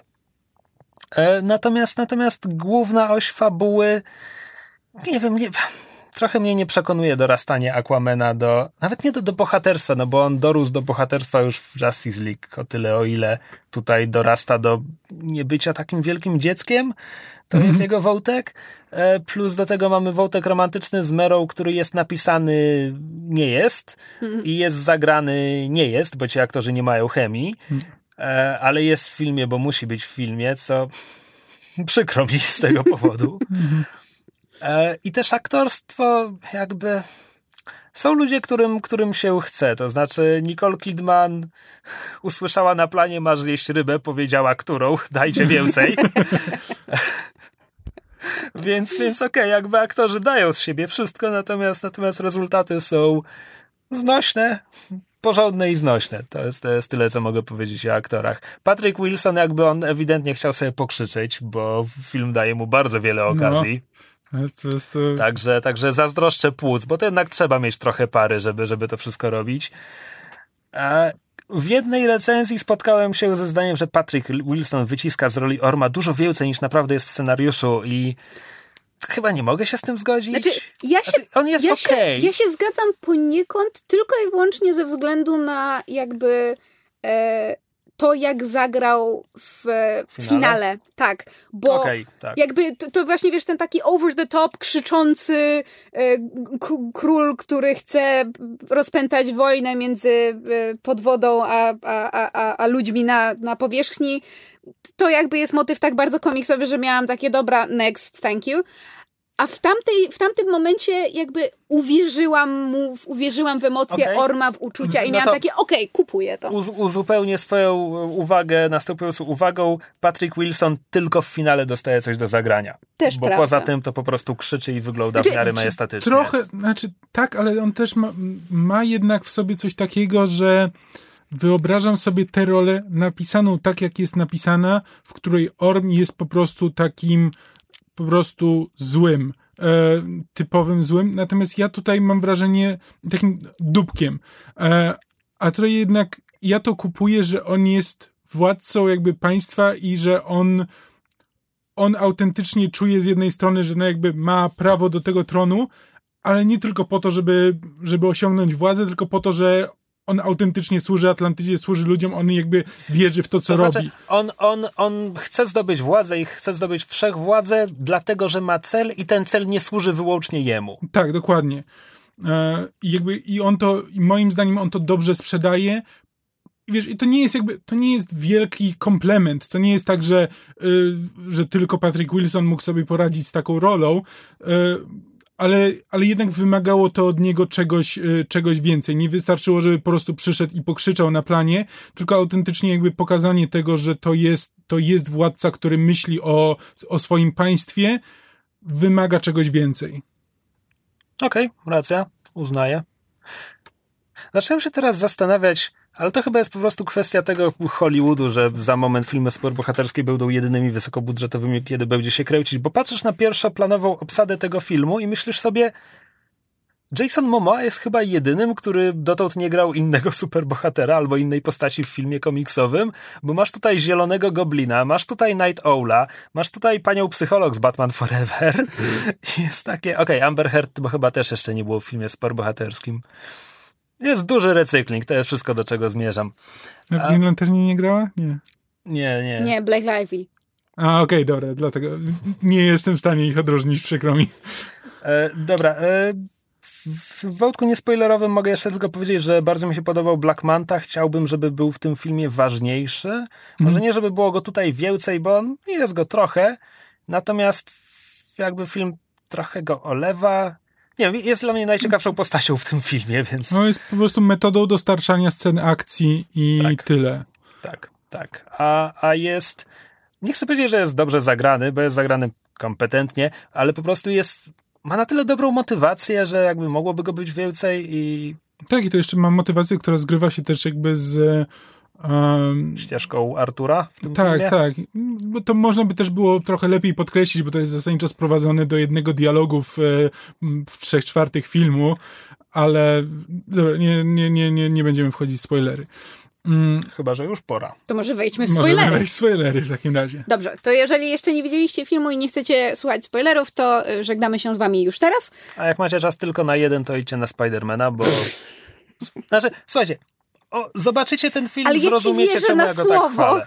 Autentycznie Ja jedna wierzę. z najlepszych animacji od lat, jeden z najlepszych filmów superbohaterskich od lat. Nie ma wyjątkowo unikalnej fabuły, ale jakby wszystkie inne zalety ma niesamowite. Dobrze, to przechodzimy do sekcji spoilerowej Aquamena. Okej, no to jakby mm, szkoda, szkoda, że ten e, motyw tego, że Aquaman autentycznie żałuje, przynajmniej, bo on mówi, że żałuje tego, że pozwolił mu zginąć. Że to była, jakby przyznaje, że to była zła Znaczy, decyzja, On trochę. na, na jednym oddechu mówi, że bo teraz mam wroga i to jest trochę takie, że gdybym ocalił tamtego gościa, to teraz nie mam wroga, który faktycznie potrafi zajść mi za skórę, więc życie byłoby prostsze, więc ja nie wiem na ile to jest skrucha. Mm, Też prawda, tak, ale właśnie mógłby być to wątek, który jakby powraca na zasadzie, że wiesz, że Aquaman był tym jakby superbohaterem, który po prostu tam w, zrobi rozpierduchę i nie za bardzo go obchodzą konsekwencje jego działań, no ale nie ma tego wątku, jakby no jest sprowadzony do jednego Tak, dialogu. ja, kiedy mówię, że ja chciałbym, żeby Black Manta był ważniejszy w tym filmie, to jest tak, że ja sobie wyobrażam wersję scenariusza, w której on pełni rolę, nazwijmy to, głównego henchmana bondowskiego przeciwnika, bo on tutaj, on niby dostaje te dwie sceny akcji i to byłaby właśnie rola takiego henchmana, natomiast on nie ma scen z Ormem, on nie ma go w tej fabule, poza tymi dwoma scenami akcji praktycznie. Ma jeszcze montaż, gdzie montuje sobie kostium. I to jest właśnie, dlatego mm, nazywam go trochę z przekosem najciekawszą postacią w filmie, ale on tutaj dostaje ten najbardziej tradycyjny origin, w sensie widzimy go kim jest, widzimy jego stratę, która popycha go na drogę, widzimy jak dostaje możliwości, żeby toczyć walkę z silniejszym od siebie przeciwnikiem. Jest wersja scenariusza, gdzie to on jest bohaterem tego filmu, ewentualnie antybohaterem. E, I to jest bardzo fajne. Jest ta maksyma, ona nie jest uniwersalna, ale jest ta maksyma, że dobry złoczyńca to ten, który jest bohaterem własnej historii i Black Manta jakby wypełnia to w 100%. Mhm. Ale z drugiej strony Orm też. Tak. Ale Black Manta jest fajniejszy. Czy my chcemy o czymś porozmawiać w sekcji spoilerowej? To jest właśnie bardzo dobre pytanie, bo ja się nad tym zastanawiałem właśnie bardzo długo, bo tam jest dużo fabuły jakby do opowiedzenia. Nie, jest dużo ekspozycji, którą trzeba by Tak, przytaczać. ale właśnie to nic nie, to nie ma żadnego znaczenia, no bo możemy powiedzieć, do jakich miejsc oni się udawali, żeby dostać kolejną wskazówkę, ale po co? Nie ma to żadnego znaczenia. Magafi. E, możemy powiedzieć coś o tych wskazówkach, ale one są zazwyczaj dosyć banalne i...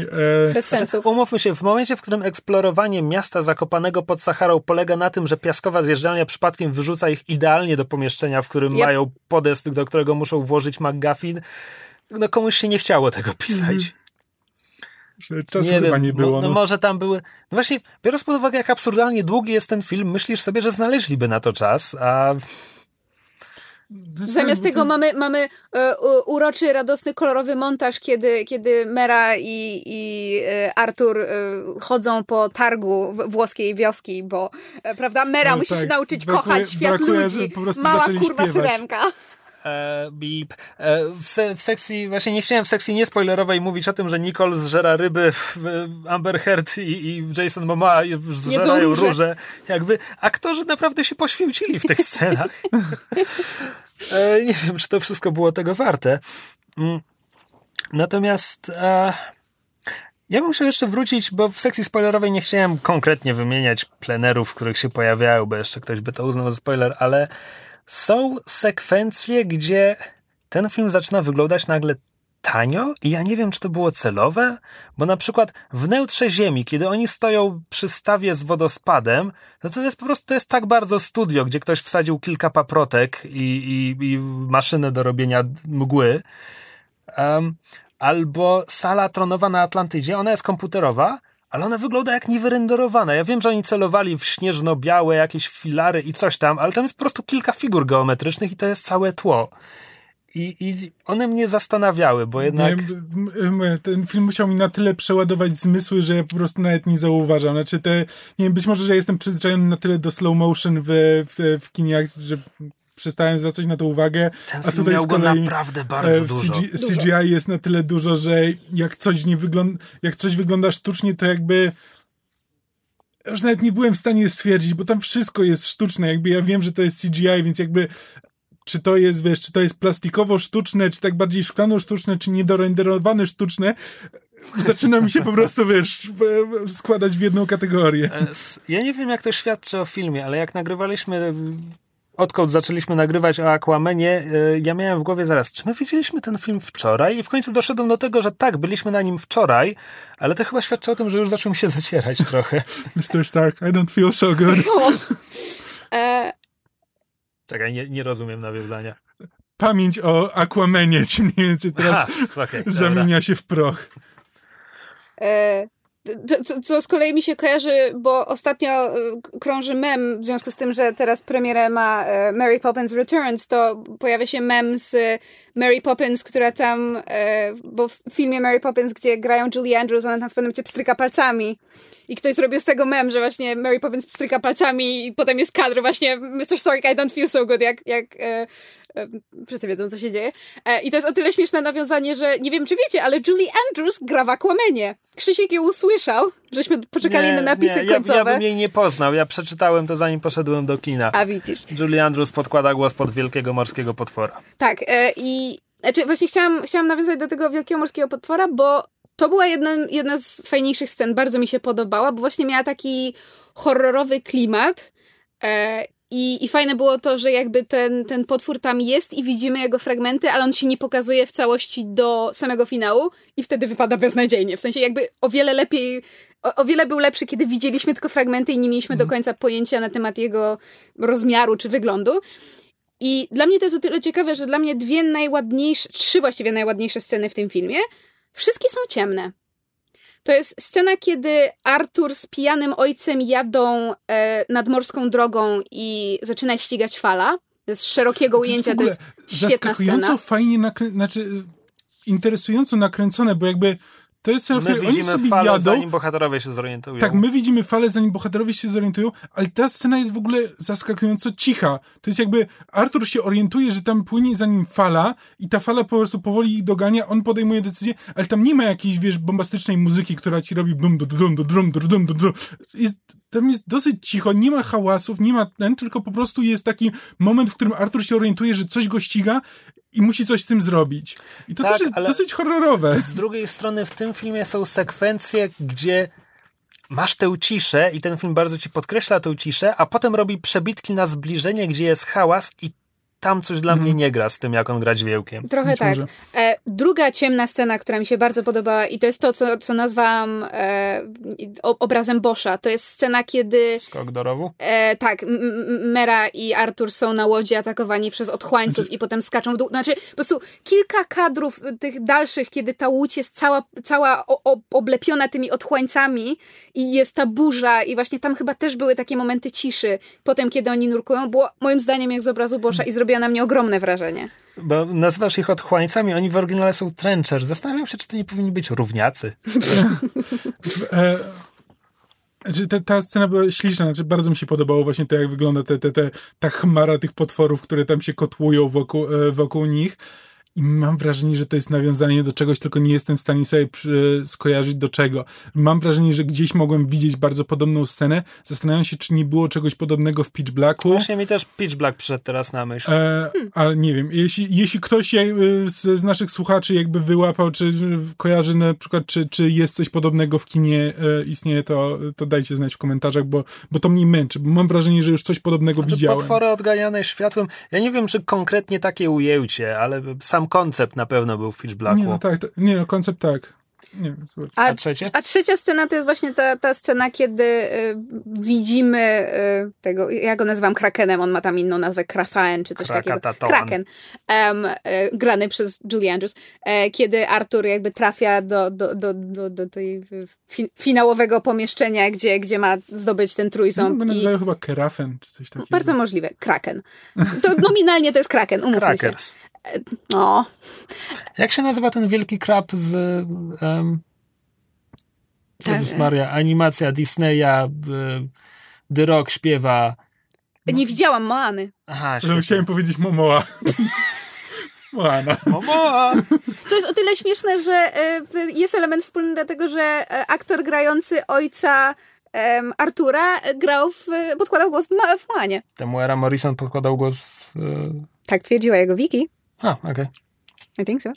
Um, w każdym razie ta właśnie scena, kiedy, kiedy Artur rozmawia z Krakenem i jakby też bardzo mi się podoba ta, ta scena sama w sobie, że jakby słyszymy, jak ten Kraken mu ubliża i mówi, a potem się orientujemy, że że inni tego nie słyszeli i że Artur jest jedyną osobą, która słyszy i że, że Kraken po raz pierwszy od tysiącleci może z kimś porozmawiać. To była bardzo fajna scena. Jakby w filmie, który poza tym miał sceny, które były porządne albo trochę gorsze, to była moim zdaniem po prostu naprawdę sprawnie zrobiona scena. Po filmie przeczytałem w jakiejś recenzji, że ten, że Aquaman jest zaskakująco e, subversive, że, że, w, że w kluczowych scenach to właśnie to, to nie pięści, tylko rozmowa rozwiązują konflikty. I ja musiałem się nad tym zastanowić, bo miałem, czekaj, no w sumie, w sumie nie ma bitki z wielkim krabem, on się dogaduje z krabem. W sumie, okej, łomoczą się na harpuny z ormem, ale ostatecznie dochodzi do zawarcia jakiegoś pokoju dziełki Nicole Kidman. E, To są chyba wszystkie dwie takie sceny, ale wciąż to, to więcej niż w Man of Steel. Znaczy to jakby sam, Snap. sam fakt, że jakby nie wystarczy jakby nie wystarczy pokonać głównego złego, e, tylko jakby Artur się ostatecznie próbuje z nim dogadać, to już samo w sobie jak na kino bohaterskie jest dosyć subversive.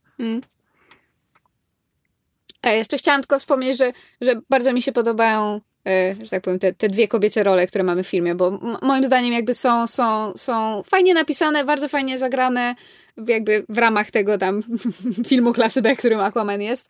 E, I jakby mają sporo do roboty w tym filmie, to nie jest jakby, prawda, seksowna lampa i, i, i obie, obie mają coś do zrobienia. Ale strasznie mi się kojarzyła jakby tutaj rola Nicole Kidman z Michelle Pfeiffer z w Michelle? Pfeiffer w Ant-Manie. Po prostu kompletnie jakby dokładnie to samo jakby, wiesz, i kolorystykę jeszcze to, że ona jest ca- cały czas ubrana na biało, nawet kiedy się przebiera, to jest po prostu Swoją drogą, ja nadal nie rozumiem, jak ona w finale jest sucha.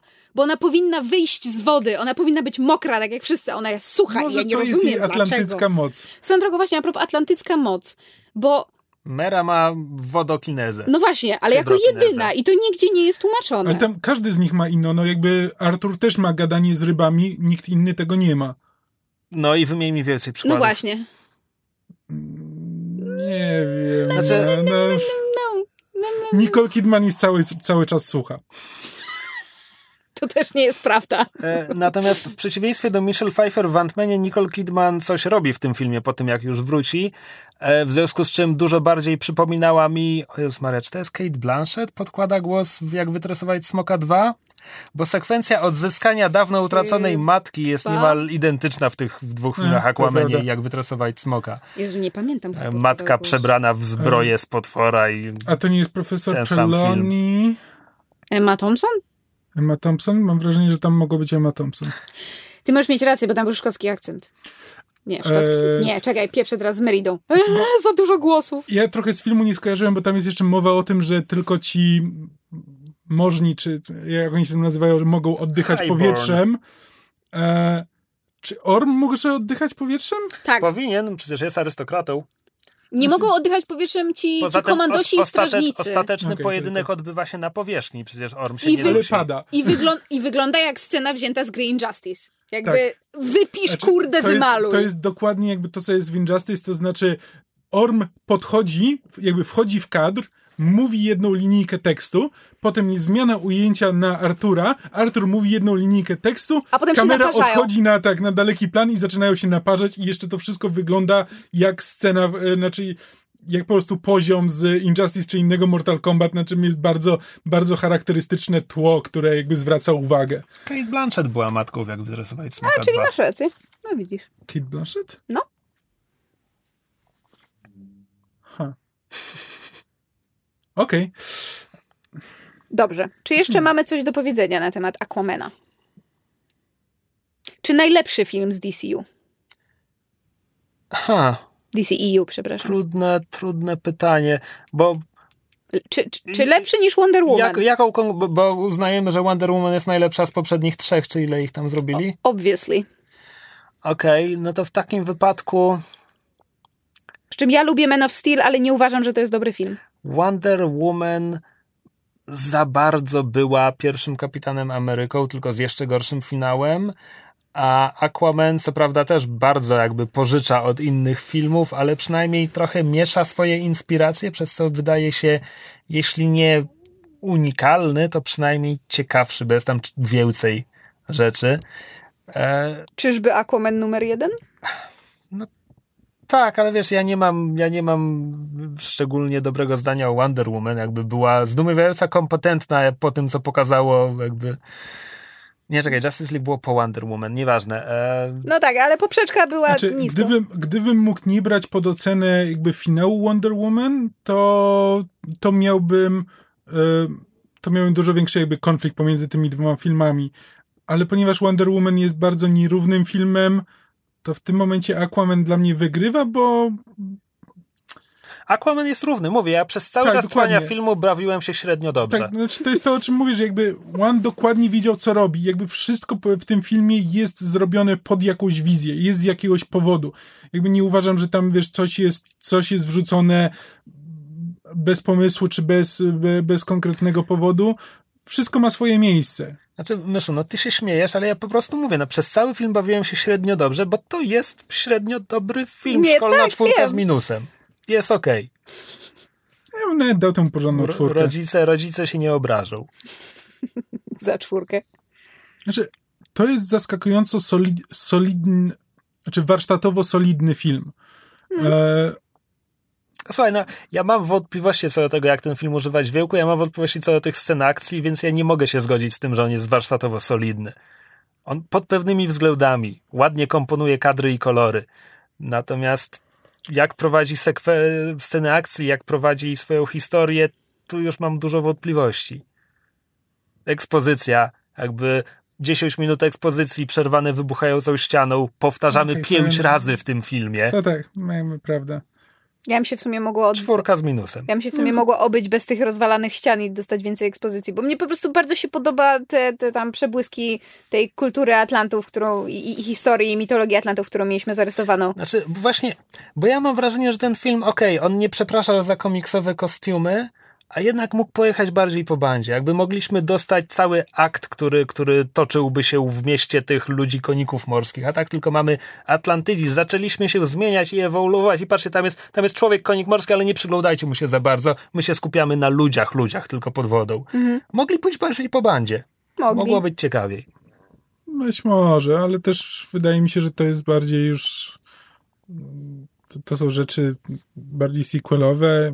Tutaj jakby w tym momencie jakby jeszcze wchodzenie w to coraz bardziej nie nie zaszkodziło bo, bo mówiłem, mówiłem, że ten film nie przyjmuje wszystkich rozwiązań jakby najprostszych, tak, że w najprostszym, w najprostszej możliwej wersji tego scenariusza Orm e, pozoruje ten atak na Dolfa Lundgrena i Dolph Lundgren wie, że ojej, ci ludzie nas zaatakowali i potem gdzieś w drugi, pod koniec drugiego aktu odkrywa Ormie, oszukałeś mnie i obraca się przeciwko niemu i ginie w finale, a w tej wersji mamy tę jego rozmowę z Mirą, mamy powiedziane, że on wie, że Orm go nabiera, ale on też chce tej wojny i dlatego to jest i trochę inteligentniejsze. I tak samo w najprostszej możliwej wersji tego scenariusza dostalibyśmy tę drogę bohatera, w której Artur nie ma o tym wszystkim pojęcia. A Artur na starcie wie, jest Atlantyda, tam rządzi Orm, ja mam prawa do tronu, ale tego nie chcę. Jakby w wersji, która po prostu, której nikomu nie chciało się napisać, to byłoby takie, wiesz, ta ha, ha, ha, ryba poza wodą, tylko w drugą stronę i nagle człowiek odkrywa, ojej, Atlantyda i w ogóle. A tutaj tego nie ma. Tutaj jakby bohater jest zorientowany. Jest głupi, ale zorientowany w sytuacji. Znaczy w ogóle Arthur tutaj jest w tym momencie jakby. Wtedy.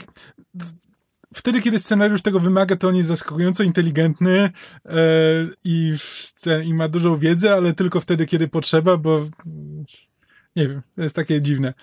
Znaczy, no, też z drugiej strony fajne, no bo też jakby w momencie, kiedy o ile czegoś w tym momencie nie, nie, nie, nie pomyliłem, ale też jakby jak w momencie, kiedy Artur się dowiaduje, że że ludzie napadli na Atlantydę, to on ma takie, nie, to nie ma sensu, nie, na, na 100% nie. Ludzie nie wierzą w Atlantydę, hello. E, tak, więc jakby wszyscy w tym filmie wiedzą, co się dzieje. Jakby nikt nie, żaden twist nie polega na tym, że o mój Boże, to, to, to tak wyglądało. Okej, okay. wiecie, co, mi, co, co, co, co dla mnie w filmie też było głupie, ale znaczy chyba rozumiem dlaczego, ale jest głupie. W świecie, w którym jest y, Justice League i Batmany i Supermany i cała reszta tego tałatajstwa i w pewnym momencie morskie fale wszędzie na świecie wyrzucają na brzeg wszystkie okręty wojenne i mnóstwo śmiecia, ludzie nie wierzą w Atlantydę. W momencie, kiedy mają Aquamena i wiedzą, że istnieje taki gościu, to jest tak bardzo nieprawdopodobne, że ktoś stoi za tym, że wszystkie okręty wojenne ze wszystkich mórz świata wylądowały znaczy, na brzegu. To nie jest katastrofa znaczy, naturalna na tak, miłość ale, boską. Słuchaj, po pierwsze ten film jakby olewa ludzką perspektywę. My mamy mm. jed, dwie przebitki na wiadomości w telewizji, więc jakby film nie jest zainteresowany tym, co naprawdę myślą y, normalni ludzie. Plus dwa, ja to mogę jakoś obronić w taki sposób, że wiesz, łatwiej uwierzyć w kosmitę, który przybył z zewnątrz, niż uwierzyć, że jak to tu pod naszymi nosami, tu w tej sadzawce, Atlantyda. Co to tak, jakby mamy tutaj jakby w tym świecie już się wydarzyło Justice League i tak dalej, jakby dużo dziwnych rzeczy, jakby ludzie wiedzą o istnieniu metaludzi, więc to jest takie na zasadzie, no coś się dziwnego wydarzyło, ale to nie znaczy, że natychmiast mamy zacząć wierzyć w pradawną cywilizację mieszkającą pod wodą. Ale z drugiej strony jest bardzo uroczy fragment, y, bo tam blisko początku filmu młody Artur razem z wycieczką szkolną jest w oceanarium. No i tam mm. jakby jest ta scena, kiedy go dzieci próbują pobić i, i, i rekin wali w, w szybę. Zresztą to był jeden z jumpscarów. e, to był jumpscare? Dla mnie tak, cicho. Potem to było już w najpierwszym zwiastunie. Więc... Ja wiem, ale jakoś tak on wyjątkowo mocno wyjątkowo walił w tę szybę i ja się bałam, że mu się coś stanie, albo że się przebije i miałam flashbacki do trzecich szczęk, nieważne. Ja bardzo się boję rekinów. Na ekranie. Tak. Przede wszystkim. Szczęki, again. E, natomiast tam w pewnym momencie chyba, znaczy chyba w tej scenie, jak tam pani, pani z Oceanarium ich oprowadza, to właśnie to jest, to jest taki throwaway line, ale jest cudowny. Strasznie mi się podoba, że się znalazł w filmie, dlatego że on tłumaczy większość tego, co jest w filmie, jeśli chodzi o kulturę Atlantydów. Mianowicie, że o, wie, wiemy więcej na temat powierzchni Marsa niż na temat e, własnych oceanów. I potem masz takie, wiesz, widzisz te wszystkie e, podmorskie ruiny i te miasta, ten, masz takie, serio? Nikt tego nie znalazł, a potem sobie przypominasz ten throwaway line i masz takie, a okej, okay, now it makes sense. I to mi się bardzo podobało. Sprytne. Dobrze, czy jeszcze, czy jeszcze jakieś luźne uwagi w sekcji spoilerowej, czy kończymy? Ja miałem w pewnym momencie pomysł, że byłoby zabawnie, gdyby nastoletnią wersję Aquamana, którą widzimy w jednej z retrospekcji, grał Daniel Logan, który grał małego Bobę w Ataku Klonów, ale potem przypomniałem sobie, ile czasu minęło od Ataku Klonów i że Daniel Logan nie jest już mały i zupełnie by nie pasował wiekowo. Tak, bo gdyby ktoś nie wiedział, to tatę y, Artura gra Django Fett. Tak, dokładnie. Z prequeli. Więc Gwiezdnych, Gwiezdnych Wojnów wszędzie. E, I to jest, dodajmy, jego pierwsza duża hollywoodzka rola od Green Lanterna, gdzie był umierającym fioletowym kosmitą, który daje pierścień e, Ryanowi, no który to tam Ryan grał. Reynoldsowi, właśnie. U, a jeszcze z y, śmiesznych ciekawostek, y, sprawdzając... Y... Abinsur, czemu ja wiem, jak on się nazywa? Nawet nie czytam Green Lanterna. Biedny Krzyś. E, jeszcze Stare komórki mogłyby się kiedyś na coś przydać. Nope. E, jeszcze z y, ciekawych, y, śmiesznych ciekawostek, kiedy sobie czytałam o Jasonie Momoe, no bo tam jakby kojarzyłam go z jego roli w Stargate Atlantis, które moja przyjaciółka namiętnie swego czasu oglądała. E, natomiast byłam ciekawa, w czym zadebiutował. Baywatch Hawaii a żeby było śmieszniej, przez e, parę lat e, Jason Momoa studiował e, biologię morską, w sensie marine biology. I po prostu uważam, że to jest tak jakby ha, i potem gra, gra Aquamena. Get it? Haha. No nieważne. I found it funny. Ja przepraszam, ja nie zareagowałem, bo już mi o tym mówiłaś, ale no, ja, tak, ja, to jest duży parę zbiegów okoliczności. A ja przeczytałem, że na planie był zły, że Amber Heard nie zwraca na niego uwagi i czyta książki, więc wyrywał jej ostatnie strony książek. więc nie, nie mogę lubić Jasona Momoe. Takich rzeczy się nie robi. Ojej. To Książką czy kobietą? okrutne. Amber Heard już wystarczająco wiele przeszła, więc... Both. E, dobrze, ale to chyba ten, tym, tąże uwagą, że należy być miłym dla książek i dla kobiet, kończymy dzisiejszy odcinek Myszmasza. To Jak może naj- być morał Jak Aquamana. najbardziej. Więc ostatnie słowo o Aquamanie. Idźcie na Spider-Man Into the Spider-Verse i słuchajcie Ghostpunka. Tak. Tak jest. E, dziękujemy Wam bardzo za uwagę.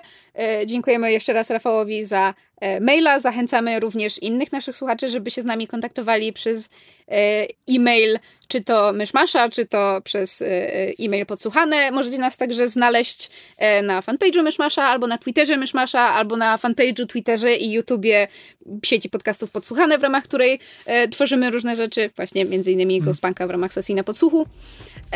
Pamiętajcie też, że możecie nas słuchać na Spotify i na iTunes, gdzie możecie nam też wystawić e, recenzję i ocenę, co nam pomaga, bo nas fajnie pozycjonuje i zwiększa zasięgi.